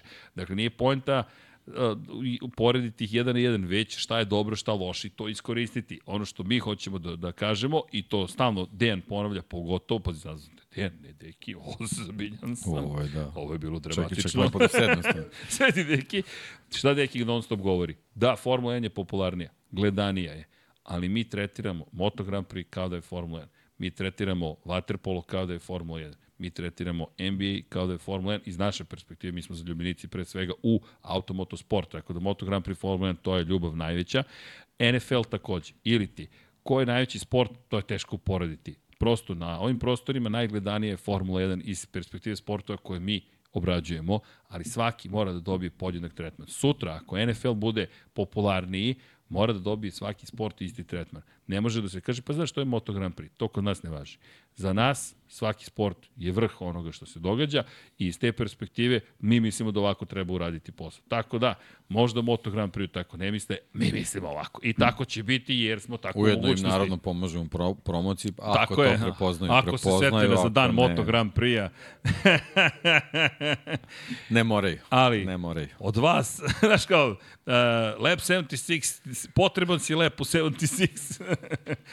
da, činjenica da nam vaša podrška naravno najvažnija. Da, i eto, podcasti će biti verovatno sledeće ponedeljka, ako se do tad nešto Ponedjeljka? izdešava, subota, nedelja, gastrošor. Ne, ne, da, da, e, u, Vlado, jel možeš da ubaciš fotku sa, spremno za društvenu mreže?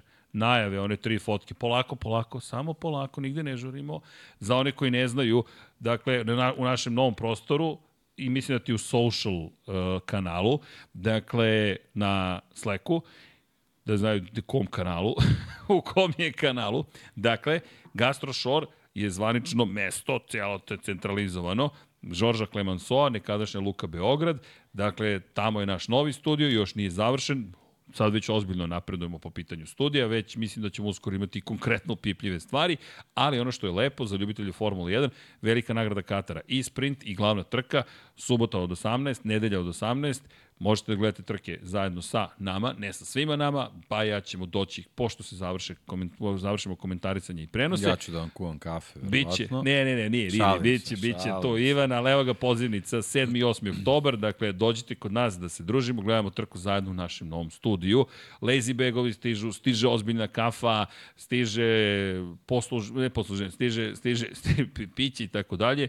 Kada kažem samo posluživanje, svi se pitaju što to znači, uđi mi posluživanje. Ne, imate kafe, bar, šank, kasu, dakle, dođite sami kao što je sad već običaj, običaj postao, dođite, ustanete, ne ustanete, vidjet ćete sami, imate dnevnu sobu od 280 kvadrata, dakle, to je vaša sad, naša zajednička dnevna soba, to nam je ideja, isto ćemo se potruditi da uradimo s Moto Grand Prix, možda ne nužno za veliku nagradu Australije u pet ujutro, ali činjenica je da, da je to cilj zapravo da imate svoje mesto, to je zajedno da imamo mesto gde možemo svi zajedno da gledamo trke, tako da pozivamo da dođete. Nisam na tu fotografiju mislio, ali ako iz nekog Nema razloga veze, lepa želiš ovaj zagrljaju, sve je u redu. Lepa je, šta ima lepa, veze. Lepa je, gde možete da nas nađete. Možda su i oni oduševljeni što će ovo sve da se desi. Rekli su, jo, ne, vrati, vrati Da. onu fotku, vrati onu fotku, molim te, molim te, vrati fotku. Vra... Slučajno je kliknuo sam da gde e, je. to. E, um, a ja ću da glumim Marka. Fabio, si čuo, otvaraju studio.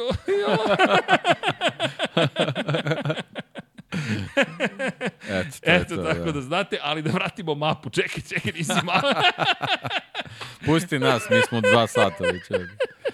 Od Trga Republike, Francuskom, pa Žorža Samo Clemenceau, nizbrdo francuskom, Samo da. nizbrdo šišate i kad dođete do ulaska u piše Luka Beograd, a vi levo zaopšijete, ima i treći. Nikola ovo fenomenalno dizajnirao, dakle, evo detaljnih momenta, kada dođete na parking, parking je besplatan, tu su vam kolubara, draft, mala kolubara, draft, doker, insolita i ruke. Imaš i novu sa obeleženom insolitom, inače sve su ljubitelji Formula 1, dakle to ono što je najbolje od svega, ili Moto Grand Prix ili Formula 1, veliki ljubitelj Formula 1 u insoliti, veliki ljubitelj je u dokeru Formula 1, imamo to ljubitelje u, u maloj kolubari Moto Grand Prix-a, e ne znam, u draftu tamo nisam pitao, i naravno naš voljeni Faški ekipa koja nije tu, nego na drugom mestu, ali koju mi obožavamo, a to je Dogma koja voli sve sportove, ali pogotovo NFL, i koja nam je skuvala ove godine do posebno piva koje se zove. NFL petak, NFL petak, Formula 1 ponedeljak, Moto podcasti. Grand Prix utorak, a ako se nešto desi, A pa ja subota, divlja sa pod kapicom i danas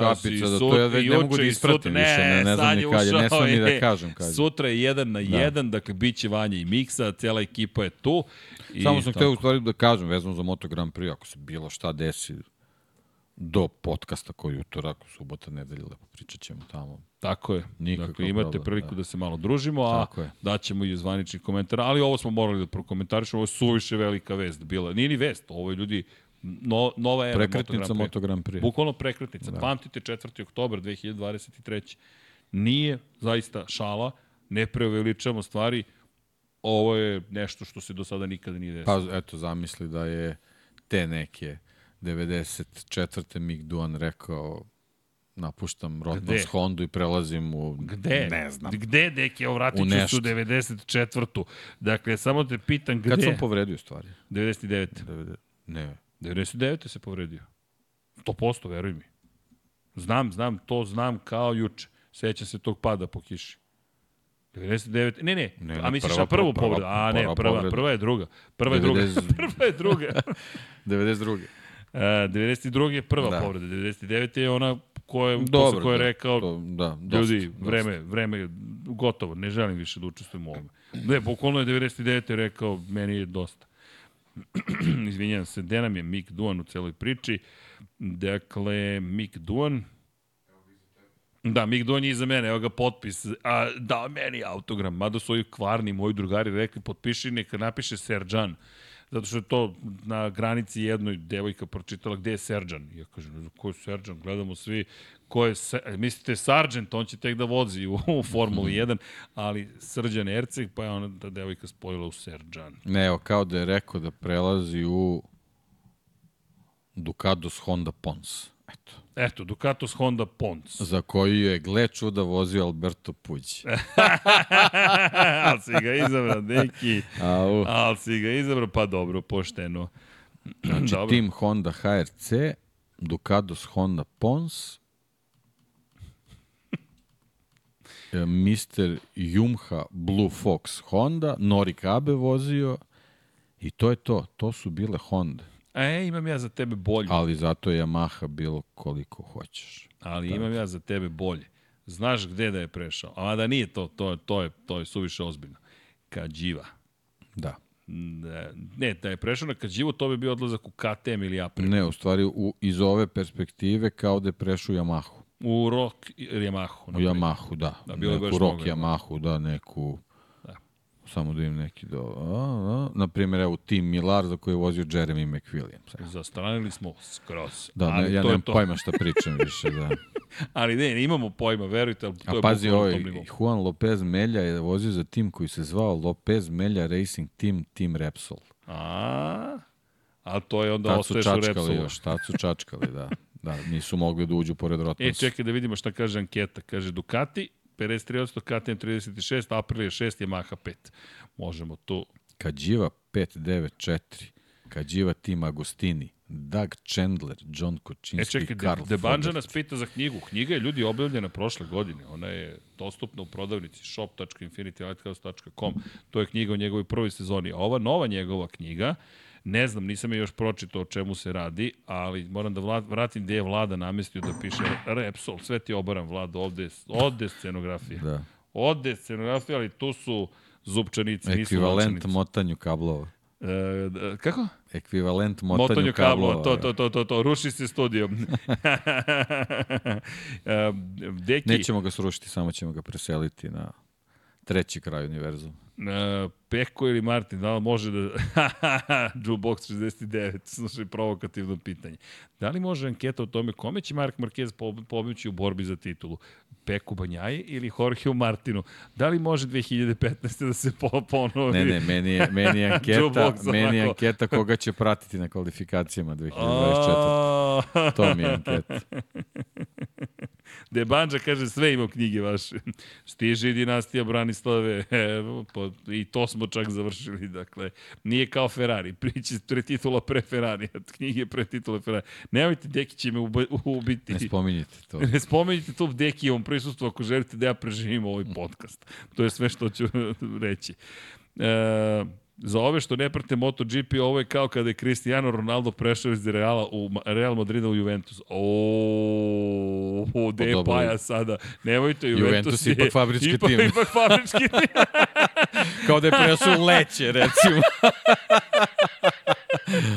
Au, sad bi me, Nemoj, pa, sad bi me Paja Nadija bi me ubila sad za leće. Nemoj, ne, ne, za sad, sad smo počeli jesi da... svestan? Ne, ne, nemojte da, Da. spominjete Juventus, molim vas. Evelin, ne Juventus, ne, ne, ne dirati Juventus, ne, ne, ne dirati Juventus, ni pošto. Imamo Pajo i drugo Juventus, stvarno ozbiljan klub, jedan veliki. dakle, ne poredim ih toliko, čak i ja znam, dakle, da bez brige. E, da, ovo mi kao da Deki odradi knjigu o Brijatoreu. Mislim da ti to negde sal- salutim da ćeš morati na kraju. Nikola Stanović kaže na, godišnicu, na sajmu će biti godišnica. Taman za godišnicu se vidimo. Deki će mu biti ne prestanite, Menjajte molim vas. temu. Menjajte temu pod hitnu, inače ja sam ćao. Tako da Nikola, ja se zaista izvinjam, ali uručit ćemo vam je lično obe. Uh, da, Dragan E, vidiš, Matić. nismo, dobro, ali okej. Da, šta? Pa evo, 98 minuta trajamo, trebali smo 93. 93. E, Vidi, Nisam kaže, razmišljao o tom. ali nešto nismo obradili, a šta stvarno ako ode u KTM? Pa dobro, možemo sad da, da, Ne, ne, da samo nagađamo. KTM je jedina da, opcija koja je još otvorena suštinski. Mada otvorena. Šta će Otvoreno, KTM sada Jack, šest? Jack ali- Miller. Jack Miller onda mora da On ide. je, on je Daniel Ricardo, Moto Grand Prix. Da, da, on zaista može da se nađe u toj situaciji. I sad Stevan Zekanović pita da li je Fernandez vezan nekim ugovorom ako ga ispali iz gas gasa, možda on u Repsol mlada nada nova energija. Poenta, poenta Moto Grand Prix, Da. nažalost, ti momci nisu toliko plaćeni i vrlo lako se otkupljuju ugovori. To je, nažalost, Jeste. Nisu, činjenica. nisu plaće. A kad Repsol uleti, ima- recimo, kad, eto, spomenuo si, kad uleti se. taj Repsol, on lako sve te ugovore može da, da, da reguliše.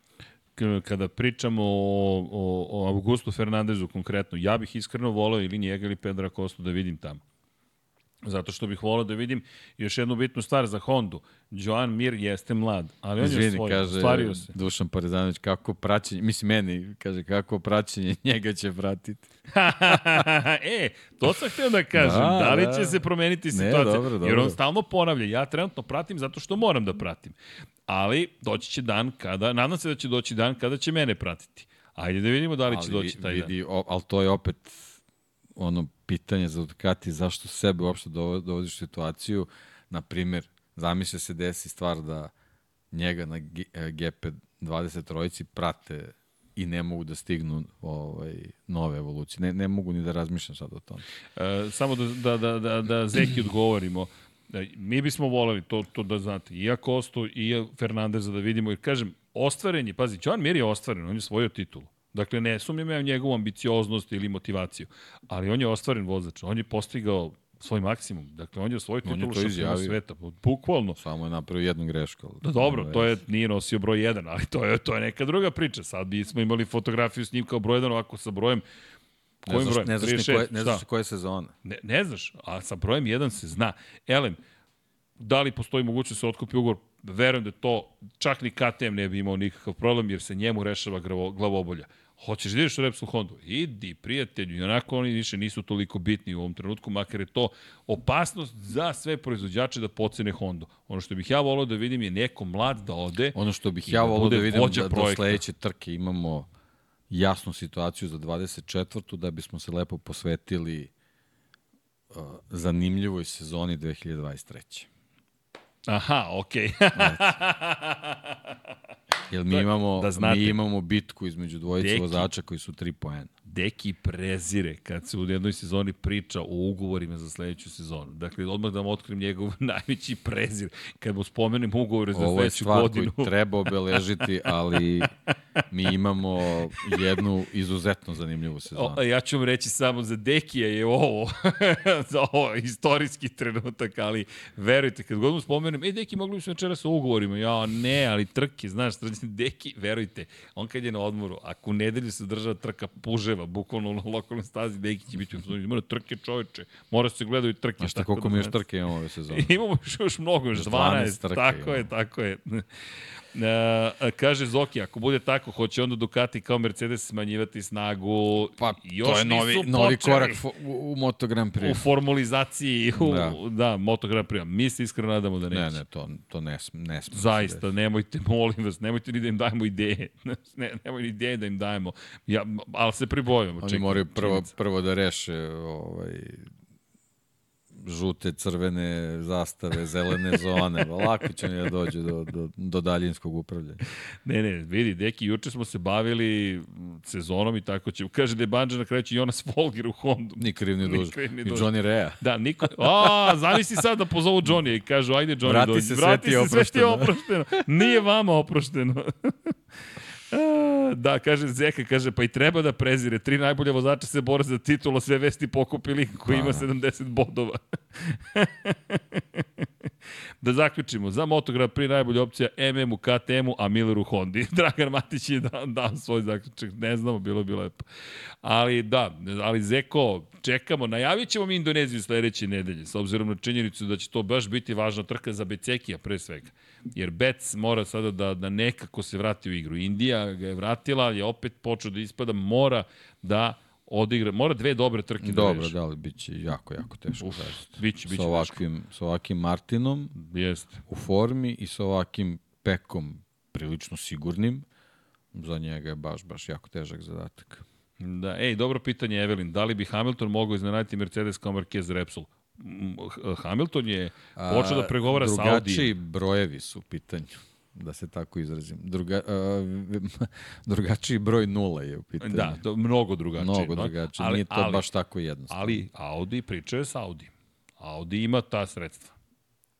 Ima. Da li će se spojiti? Teško, s obzirom na činjenicu da je mnogo duga istorija Mercedesa i, i Hamiltona, ali ko zna. Ali ko, bukvalno, ko zna. Lewis Hamilton ima godina koliko ima, ali ajde, to je druga, druga tema. da, kaže ZZ, ako Deki prezire ugovore, mislim da Srki prezire objašnjavanje u toku trke navijačima kako ne postoji komentatorska kletva. I svaki ne, put, njega to baš zabavlja. Naprosto. svaki put kada nešto izgovori, bom, nešto se desi, ja ga ne mogu da verujem. Ma moram početi da zapisujem te stvari pa da vidimo šta će se desiti. Evo, Debanđa, MM na KTM-u, Fabio na Aprili, MM i Peko na Ducati. Kako sad MM svugde? Svugde vam je MM, imate mnogo MM-ova, ne, ne može toliko da stane.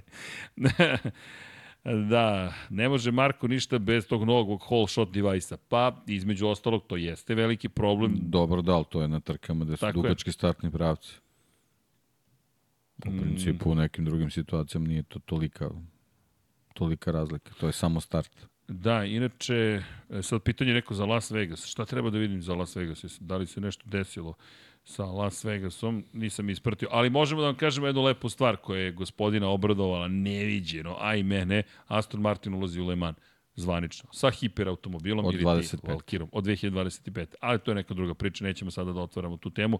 Posvećeno je Moto Grand Prix, tako da nemam pojma šta se desilo sa Las Vegasom, a da nismo spomenuli već u ponedljak, ali slobodno napišite pa da ispratimo. U svakom slučaju, MM i Peko na Ducati, Fabio na Aprilia, na Hondi, Rins na Yamahi i Augusto na KTM-u. Ma može šta god želite, ali nisam siguran. U da. petak da. ćemo. Ne, ne, kad je, kad je trka? Trka je koja? Sledeća. Sledeća je u Indoneziji za 10 dana. Za, za 10 dana, četvrtak, konferencije, tu će se. Tu će se, da. Pa verovatno će se do tada znati. Pa treba, kažem, već je polovina avgusta je već, o, oktobra je već moraju, mora da se zna. Ono što smo trebali da znamo u avgustu, znaćemo u oktobru. Dobro, i kao Ali što moramo, se rekao, moramo, kolo se sada raspliče. Pa ja mislim da sad to mora da, da se jako, jako brzo ovaj, razreši. Ali možda da zamisliš samo trenutno pozive koje Repsol Honda ima. Jel nova sezona počinje za četiri meseca? Vidi, da mene zanima samo ko večeras zove Repsol Hondu. I ko budi ljudi svi u Japanu. Moraju, svi Ako ne da zovu, ne rade svoj posao. Da, da, Pustite sve svoje menadžere istog sve. trenutka. Bukvalno.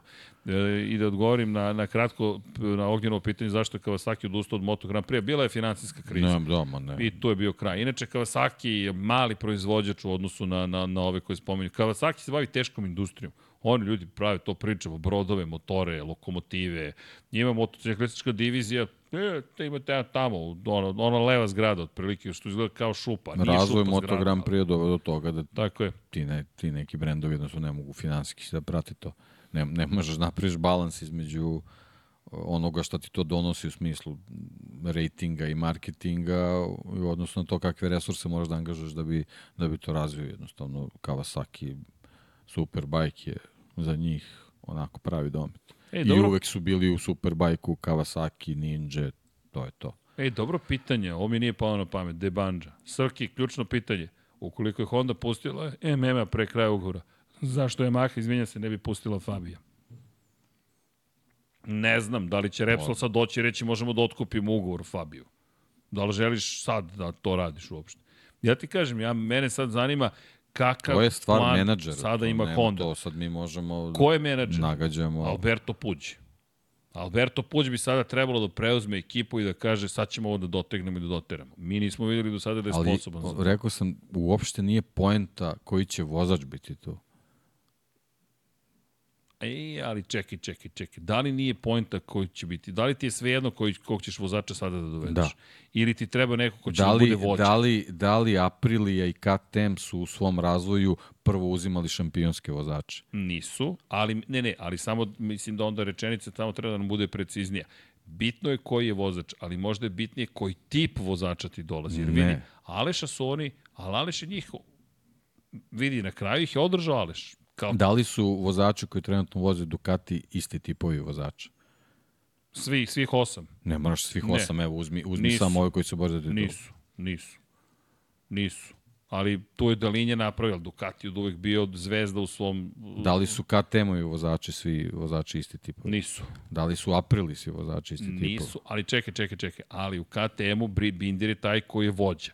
U Apriliji je Aleš taj koji je vođa. Ko ti je vođa sad u Pa Honda? da, ali oni nisu šampioni. Znam, ali moraš... Nažalost. Nažalost, okej, ali Znači, vidi. ne treba ti Fabio Quartararo u ovom trenutku. Treba ti inženjer poput Gigi Dalinje. Ne treba ti Fabio Quartararo. Misliš, ne možeš šta, nema šta da mu ponudiš još uvek. Pa znam, ali koga onda dovodiš? Zašto bi onda Pedro Costa došao? Dovodiš dobrog razvojnog vozača. Ako to je... Ne mogu ja to da znam. Ne, ne, znam, znam, ali zašto onda e, kažemo Pedro Costa u Repsol Zato što on buduća zvezda, zato što nam treba Moto Grand Prix. On ne treba da sedi na gas gasu. Ups, izvinite. Ne treba da završi kao Raul Fernandez i, i Remy Gardner.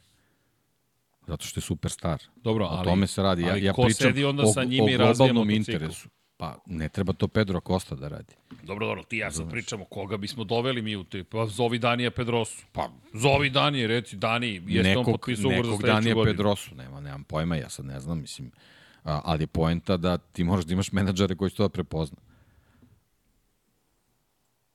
E, trebaš da imaš Masima Rivolu koji je razmordao Apriliju koja u jednom trenutku više nije znala u kom smeru ide i šta hoće u stvari da napravi. To je, to je poenta priče. Ti sad imaš Hondu koja ovaj motocikl može da baci očigledno. Oni moraju bukvalno krenu od početka da rade. A oktobar je. O tome se Dobro, radi. ne znam, to mi sve zajedno je... Hondi, Hondi ne treba vozačko ime da bi dovukao sponzore, da bi, da bi imali budžet. To, to je nebitno potpuno. Ne znam, meni je ovo sada, ja mislim da im ti je potreba vođa. Razvojni vozač, kako god hoćeš da ga vođa, zoveš, vođa da, ali ne vozački vođa. ne znam, ja to i dalje, mi- mislim da ti treba i neko ko će da pokrene ekipu, mislim da od vozača i to zavisi. Znaš, ti si ostao bez Marka Pa Markeza, vidi, to je ako, velik ako udarac. neko nije mogao da pokrene ekipu, a zove se Mark Marquez, i onda stvarno ne znam, taj čovek koji je Istina. dolazio sa tom Istina, isečenom istina, rukom u, na Red istina. Bull ring, ja onda stvarno ne znam, mislim, Istina, u pravu si. ako je taj čovek digao ruke od njih, onda... A dobro, onda možda je to stvarno prilika ne da kažeš, ok, sve što smo do sada radili s Markom, radimo nešto drugačije. Jel stvarno misliš da će oni to Ne, da... dobro, znam da neće, ali dobro. Ajde da ubacimo još jednog vozača u celu priču. Miguel Oliveira. Dobro, ne znam zašto, ali, Ali, pa okej, pazi, Da. da. li je on vozač koji bi mogao da bude taj koji može da učestvuje u razvoju?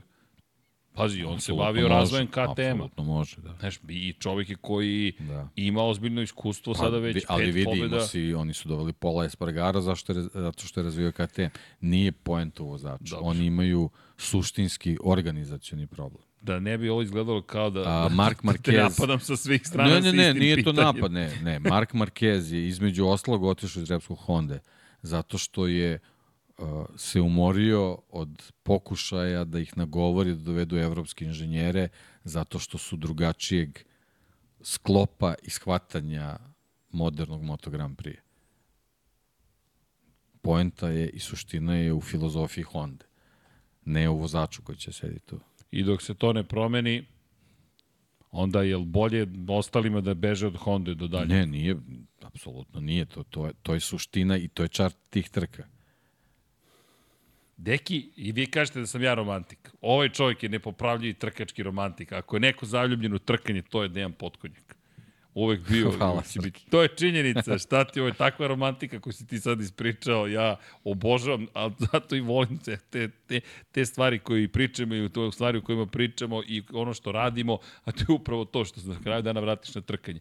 Ljudi, hoćete da sredite taj motocikl da se više trkamo i ozbiljite se, dakle, razumemo i filozofiju, mi znamo najbolje, Rezultati Koliko je, da ne koliko je lepo što smo poslednje dve trke imali svu četvoricu u bodovima.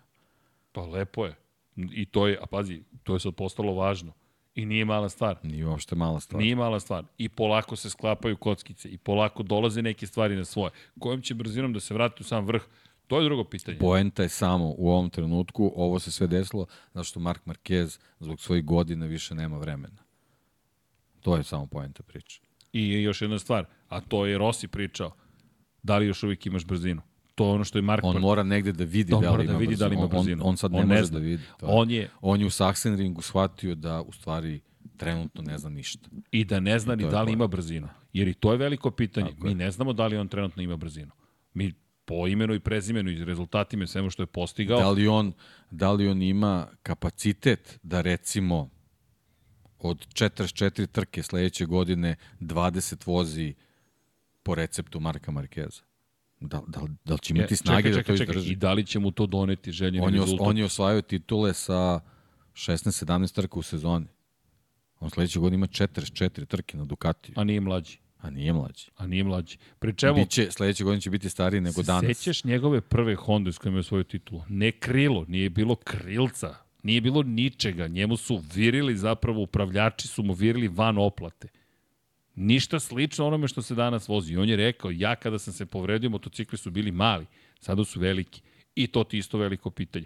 Ne sumnjam ja u njegov Pa talent. pogledaj, pogledaj, je da pogledaj slike mega 2019. talentovan. 2020. kako izgledala Honda. potpuno. E, kad sam vratio, gledao sam neke stare trke. Dovi Marquez, sada i gledao sam ove bitke, sada retrospektiva Marquezova i počeo da se smejem, potpuno drugi neki Moto2. vozači, motoci, da, Moto2 izgleda tako, tako nemoderno, izgleda tako, gde, gde, gde, gde, šta je ovo, gde, gde, znaš, ali A molim, nisu bili naj. A jesi video kod Mikela Apire sada na ovoj trci kada izađu iz garaže mehaničari i kada stisnu zadnji kraj Ducatija, spuste mu ga da, da, da može što brže da se lansira u pit lane. Fascinantno kako to izgleda. Potpuno druga priča. Tako da ne znamo i to je lepota svega. Ali, deki, ti ja možemo da pričamo o Moto Grand Prix i da pričamo o Moto Grand Prix, da pričamo o Moto Grand Prix. Vlada može da sluša o Moto Grand Prix. Ako do sad nije Vlada naučio Vladica, sledeće godine prognozer postaje za Moto Grand Prix. Znaš, ja to očekujem sledeće godine. E, ali mislim da, da, da jeste. E, za koga navijaš u Moto Grand Prix? Otkrio se Zauberovac je u Formuli 1, a u Moto Grand Prix? Sramotana ga je Što da kaže što? Za Maverika. Vinjales, a ne, ne, što je to sramota. To je baš lepo. Možda Deki više neće pričati sa tobom, Ne, ali ne, šalim se, šalim se, Deki.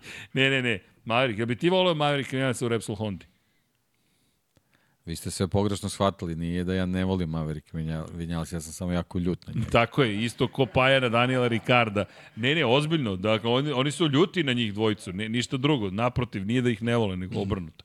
Dobro, dakle, ti bi volio Maverick Vinjales da dođe u Repsol Hondu. Okej. Okay. I to je zanimljivo. Vinjales posle Aprilije, posle Yamahe, posle Suzuki da ode u Rivola Hondu. i Vinjales u paketu. O, deki, sad to je već Pa, ozbiljno. ako neko može da odreši kesu, to Jer, je čekaj, Repsol Honda. ajte pitam, da li misliš da bi Kotor, kada bi došao, promenio stvari? Pa, znaš kako, on je bio u sredini gde, gde je video kako izgleda kad se pravi organizacija od početka.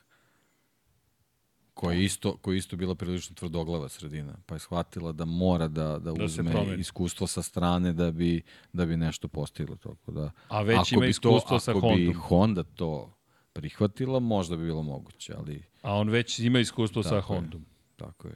I radili su neke stvari gde je Honda prihvatila Unapređenje motocikla koje je da Leopard. ne kažem unapređenje, filozofije. Ok, tuđe. filozofije, promene, Tako promene da- na motociklu koje je, nisu njihove. Tako je. Delove koje je Leopard sam proizvodio. Što je opet iskustvo I koje ovaj doneo pomak sa Kotor. Pikerosom govori da možda neka kolaboracija može se napraviti. Dobro. Deki, imamo još nešto da kažemo na celu ovu priču. Nemo, ja, ja, mislim, ja bi u principu čekao samo da, da, da spakujemo to sve što, što treba da se desi u sledećoj sezoni i da, kažem, da se bavimo 23. I evo, lep zaključak iz tebe. Zeka kaže, bez sad sve šale, najbolje bi bilo Zarka prebaciti u Repsol Hondu. Ima iskustva Neću brzi. ja da licitiram sa imenima uopšte u ovom trenutku. Da, da, nego samo, Ne samo želim. ne, ne, ali, ne, nešto drugo hoću kažem. Argumente koje koristi Zeka, a to je da je brz, ima iskustva sa Ducatija, dobar je razvojni vozač, on je bio razvojni vozač za potrebe Ducatija i ukoliko dobije podršku inženjera adekvatnu, možda to i nije loš potez. Pa, ne kažem da će se to desiti, ali oni... Pa jeste, ali Repsol Honda uh, naranđasti motocikli nisu razvojni motocikli. Ok, razumem te. On, On će, će ostati, ostati na, na trećem na, u drugim da, bojama. Jasno je. To je ali će i dalje razvijati. Ali oni nisu možda povukli uopšte loš potez dovođenjem Zarka. Jer Zarko ne, je ne, ja mislim da je to baš smišljeno i bilo. To je i bilo smišljeno. Kada pogledaš, Zarko je taj koji je testirao sve delove pre nego što bi otišao do Banjaje i Bastianini. Novi, novi moment Zarkove karijere može da bude angažman u LCR-u. Jako važan moment karijere. Pri čemu u Castrol bojama nisu to male stvari, to su ozbiljni sponzori, ozbiljne boje i lepo Zeha kaže, sa tim iskustvom i tom brzinom... Znači, to, ti je, to, to može da bude ta priča Danija Pedrosa na nekom drugačijem nivou. Nemaš pobede, svi su očekivali, nije se desila kao što svi očekivali Pedrosinu titulu, nije se desila. Evo, ti sad dobiješ neku novu ulogu gde možda možeš da uradiš da razvojem sam sebe dovedeš do te pobedi, ti si onda u potpuno neku drugu policu se smeštaš u istoriji Moto Grand Prix. Zarko, lepo si rekao, ima da. odličnu priliku da uradi nešto mnogo ozbiljno. I mislim da ćemo se dopasti izazov. Delo je kao čovjek kome je potreban izazov. Pa deluje, ali mora, mora ovaj, akcijom da nas uveri da je tako. Deki, da zaključimo. Mark Marquez. Istorijski dan, da. Istorijski dan. Napustio Repsol Hondu. Trenutak koji spekulisalo se u, u, u poslednjih 12 meseci da će se to desiti, ne nužno da će otići u Gresini, ali da će napustiti pre isteka ugovora. Da, i ispisana ta nova stranica u, u modernoj, u e, novoj eri praktično Moto Grand Prix-a I to je ono što je, što je nedostajalo da, da legendarni vozač odluči da, da fabričku ekipu zameni privatnikom zato što imaju bolji motocikl. To, je, to se do sad nije desilo. A ukoliko još pride uspe u tome, to će tek biti neka, neko poglavlje je, sporta da, koje je za da. 24. Pritom, 5. ali 6. opet, pozna. da, da, da, sad ne, ne budem dosadan, ali to može se desiti 23. Znači, mi imamo sad sezonu gde možda se desi da, da ovaj, satelitski privatni tim osvoji titul. Ja čak nisam ni to hteo da kažem, ali razumem tvoj ljubav prema zato, trenutnoj zato sezoni. Zato želim da se da, da se vratimo na ovu sezonu. Znam, znam, ali ja ću da ti štupam ponovo iz ove sezone, tamo ka istoriji na trenutak ne zameri, ali nešto drugo sam hteo da kažem. Ne da će on biti prvi koji osvoje sa privatnom ekipom, nego da za njegovu ličnu istoriju, deveta titula, je i tekako simbolična ukoliko se desi pet to godina pošto je imao to, da, poslednju to, titulu. Ne, ja samo o tome pričam. Ne o tome da će on na privatnom motociklu osvojiti titulu, da čisto budem jasan. Ne, a, kažem, ne, ne otimam ovu priču. On bi sa, sa uspehom sledeće sezone spojio sve što su radili Mick Duan, Valentino Rossi. To bi sve bilo u jednom. Velike, teške povrede, veliki, veliki povratak, velike abstinencije zbog nekonkurentnih motocikala i da ti onda ponovo dođeš na vrh. To su un, delimično radili i Duan i Rossi i sad da, da ne nabrajam, tako da to je potpuno neka druga dimenzija. O tome i pričam potpuno samo. Druga I, I samo o tome, dakle nisam uopšte hteo da tako kažem je, tako da bi on ispisao nešto na privatnom motociklu. Ne. Ne, ne, u slučaju ne, znači da, da Banjaje odbrani titulu, Markezu za sledeće godine otvaraju sva vrata. Tek nove istorijske Ali, priče. Da. ajmo da kažemo ovako, pod pretpostavkom Jorge Martin osvoji titul, ispiše jednu posebnu istoriju on sam za sebe i za ekipu i za, za, za, za, za ceo svet. Ja pričam samo o Markezu, da pet godina pošto je poslednji put osvojio titulu, se vrati na vrh sveta uz polomljenu ruku koju je operisao četiri puta, uz rizik napuštanja najveće ekipe koja je ikada postojala za jednog malog italijanskog tima koji koristi prošlogodišnje verzije motocikala, to je nešto što još nismo nikada videli. Zatim, ukoliko dođe do devete titula, izjednačit će se sa Valentinom Rosijem po broju, ukupnom broju titula, po broju titula u Moto Grand Prix-u i uz tu titulu i 31 godinu života – on i dalje, Rossi je vozio od ljudi do 40. I za razliku od Valentina Rosija osvojio bi u privatnoj ekipi. Da, za razliku od Valentina Rosija i još jedna stvar, osvojio bi je i na Ducatiju, iako je Rossi bio potpuno drugi. I za verovatno razliku od svih višestrukih svetskih šampiona. Zato ti kažem. To moramo proverimo. Ali, proverimo, ali ovako, na pamet, na pamet Ja se ne sećam privatnika, ili, a pogotovo ne da je bio u fabrici, otišao u privatnu ekipu i osvojio titulu. To je svašta tek nezamislivo. Svašta može da se desi. Zato kažem, ovo što je uradio danas je zaista moment koji će odjekivati dosta daleko i dugo, Da li pozitivno za njega ili ne, saznaćemo svi zajedno, ali pamtimo 4. oktober 2023. Moto Grand Prix se promenio, pa da vidimo šta će nam sve to doneti. I ja bih tu završio za večerašnje druženje. Kažem, mi možemo da pričamo o Moto Grand Prix po celu dan i celu noć. Vratno ćemo se dopisivati još jedno hiljadu puta, pošto nam je to običaj. Kao što volimo s vama ovo da podelimo. Nadamo se da ste uživali. Deki, oprosti što sam te odvojio od Liverpoola. Ne, ne, ne. Ali... Nisi od Liverpoola, od Zvezde. Od Liverpoola, od Zvezde. Okay. Liverpoola, ne. Četvrtkom, a dobro, nema dobro. Ne znam, nešto mi je veze. govorio danas, moram da gledam utakmicu i odmah to sa Liverpoolom spojio, ali okej, okay, Zvezda. Izvinjam se, toliko znam o futbolu, ljudi. Još sam znao da je Zvezda večeras, ali sam mislio da je Liverpool nešto igra. Rekao, Samo okej. ti nastavi da razlačiš, nije problem uopšte. Super je s Jel ovim, s dobro ovom teče? Jel, da. jel u redu? Ne. ne, okej, onda ću da prekinem brže, pošto nije situacija kako treba da bude, ali možda će se promeniti, kako god pogledaš, hvala ti što si ipak, jel te, Ne, šalimo ne, se ne, mi malo, ovo je ne, ipak ne. Važan trenutak. Moram bio. bi, iskreno da kažem, ja zovem Deki i kažem, znam da je futbol večeras, kaže Deki, kaže meni Deki, Srki šta pričaš? Istorija. A tu nema diskusije. Nema apsolutno diskusije. Zovem Vladu, Vlado, Vlada kaže, Srki, nema diskusije, istorija. Prosto to je istorija, mi, verujte, smo zaljubljenici ne samo to.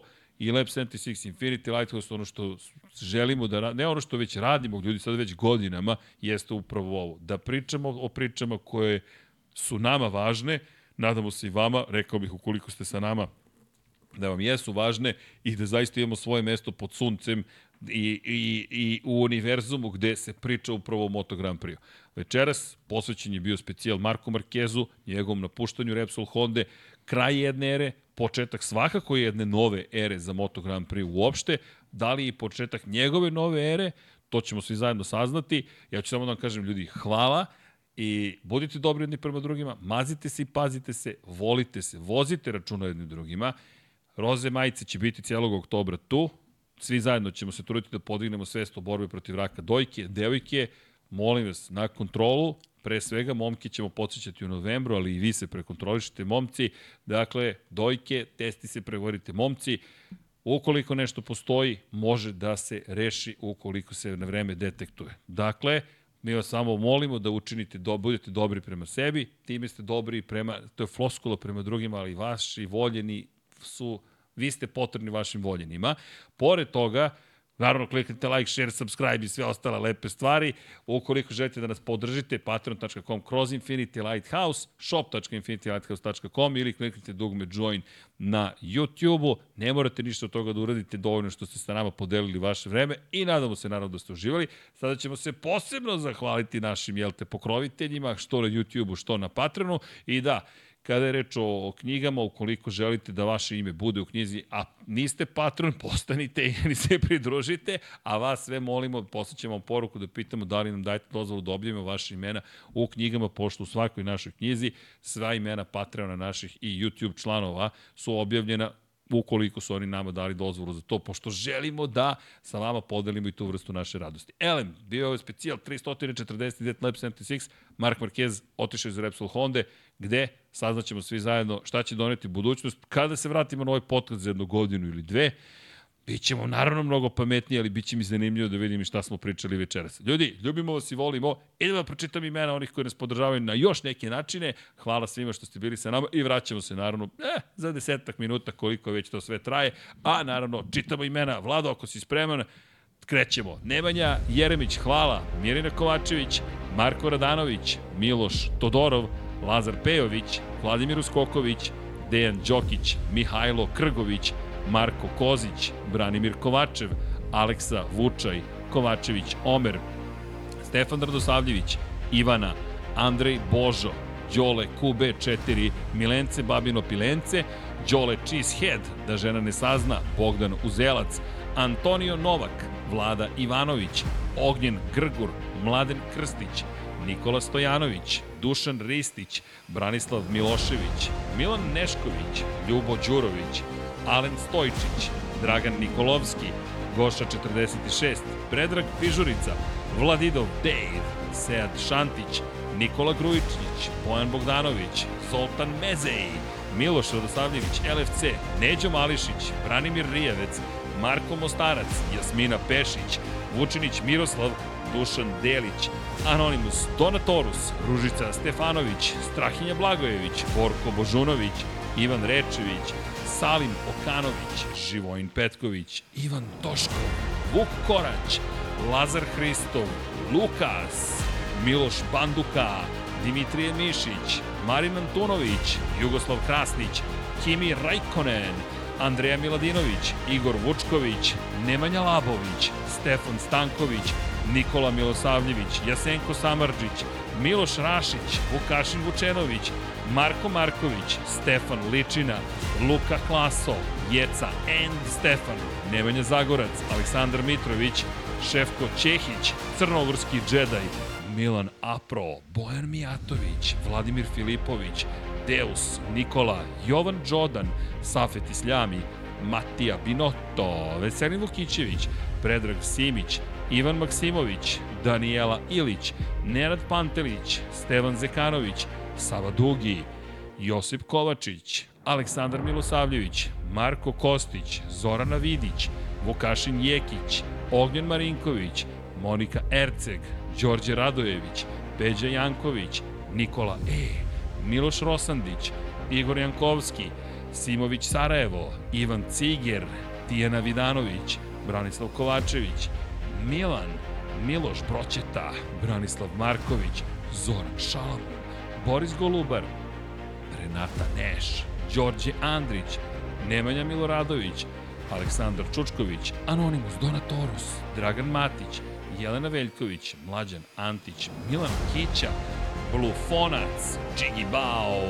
Dorijan Kablar, Danka, Branislav Dević, Miroslav Cvetić, Boris Kujundžić, Vambli Sapa, Bata Brada, Klara Gašpar, Stefan Lešnjak, Milan Ristić, Armin, Luka Martinović, Darko Trajković, Nedim, Saša Ranisavljević, Tina i Ilija, Hrvoje Lovrić, Jelena Jeremić, Alen Vuletić, Inzolin 13, Vladimir Mutić, Ferenc Laslofi, Matej Sopta, Mihovil Stamičar, Andrija Todorović, Marko Blagojević, Aleksandar, klub štovatelja Ramona Mireza, Stefan Janković, Ivan Simeunović, Mladen Mladenović, Jugoslav Ilić, Zoran Majdov, Nedim Drljević, Optimistik, Josh Allen, Fan, Ivan Rebac, Benjo, KK, Armin Durgut, Miloš Vuletić, Srđan Sević, Ante Primorac, Aleksandar Anđelić, Stefan Prijović, Marko Ćurčić, Đole Bronkos, Novak Tomić, Nikola Marinković, Andreja Branković, Aleksandar Antonović, Aleksa Valter, Stefan Milošević, Đerman, Katarina, Toni Ruščić, Ivica, Dejan Vujović, Nenad Đorđević, Andrea, Branko Bisački, Gloria Edson, Aca Vizla, Dejan Avić, Daniel Kolobarić, Ognjen Ungurjanović, Milan Milašević, Đorđe Đukić, Boris Erceg, Luka Savović, Stefan Nedeljković, Dejan Janić, Šmele, Vladan Miladinović, Ivan Milatović, Nemanja, Vanja Radulović, Vojin Kostić, Mladen Tešić, Aleksa Jelić, Luka Manitašević, Damjan Veljanoski, Luka, Stefan Vuletić, Bogdan Mitrović, Stefan Dulić, Zlatko Vasić, Aleksandar Bobić, Boris Gvozden, Nenad Simić, Sean Hink, Đorđije Lopušina, Mario Jelena Komšić, Stefan Vidić, Marko Petrekanović, Borislav Vukojević, Anonimus, Donatorus, Laslo Boroš, Bojan Majstorović, Đurđica Martinović, Petar Relić, Boris Radović, Životić Jovan, Lje Đurović, Dušan Petrović, Vladimir Stojadinov, Zoran Cimeša, Pavle Nj, Dejan Avić, Marko Horg, Milan Paunović, Nenad Ivić, Martin Gašpar, Ivan, Matija Rajić, Aleksandar Banovac, Nebojša Živanović, Emir Mešić, Jelena Mak, Vladimir Petković, Kristijan Šestak, Ivan Panajotović, Aleksandar Jurić, Denis Špoljarić, Aleksa Lilić, Petar Nujić, Nikola Božinović, Nedo Lepanović, Žarko Milić, Strahinja Brajanoski, Žorž, Borislav Jovanović, Ertan Prelić, Grgo Živaljić, Marko Bogavac, Marina Mihajlović, Bojan Markov, Bahter Abdurmanov, Mirena Živković, Aleksandar Radivojša, Vladimir Jovanović, Igor Gašparević, Mario Vidović, Filip, Marko Trkulja, Andrej Bicok, Ivan Maja Stanković, Ada Sokolović, Ivan Vujasinović, Igor Ilić, Marakos, Sadam Mehmedović, Nemanja Miloradović, Din Stero, Aleks Vulović, Bojan Markov, Vladan Đurić, Bruno Jurić, Tomić, Miloš, Đorđe Janjić, Marko Lučić, Ejhil, Blagoj Ačevski, Milan Krežević, Ivan Božanić, Anonimus, Donatorus, Tatjana Lemajić, Zoran Baka, Future, Graciano Rossi, hvala za sliku, Ivan Hornjak, Marko Stilković, Uroš Ćosić, Vladimir Subotić,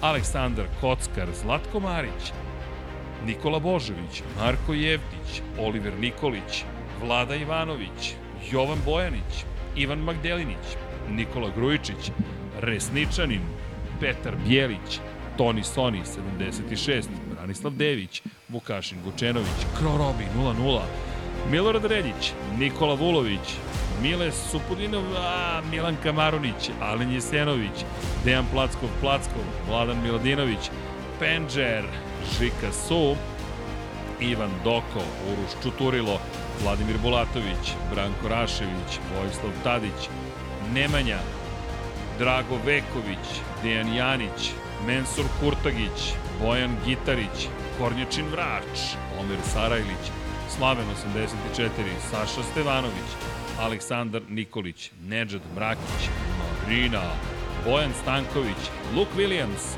Ivan Vincetić, Đera 7, Almedin Ahmetović, Mateja Nenadović, Mrča, Bakadu, Pavle Lukić, Jelena Jeremić, Miloš Stanimirović, Ivana Vesković, Galeksić, Edin Ustavdić, Nikola Adamović, Miloš Z, LFC, Srđan Ćirić, Nemanja Cimbaljević, Predrag Zec, Marko Bogavac, Mađar 007, Vuk, Domagoj Kovač, Stefan Škrbić, Igor Ninić, Nikola Niksi, Aleksandar P, Škundra, Pujo, Nikola Grđan, Aleksandar Stojković, Almir Vuk, Nemanja Bračko i to bi bilo to.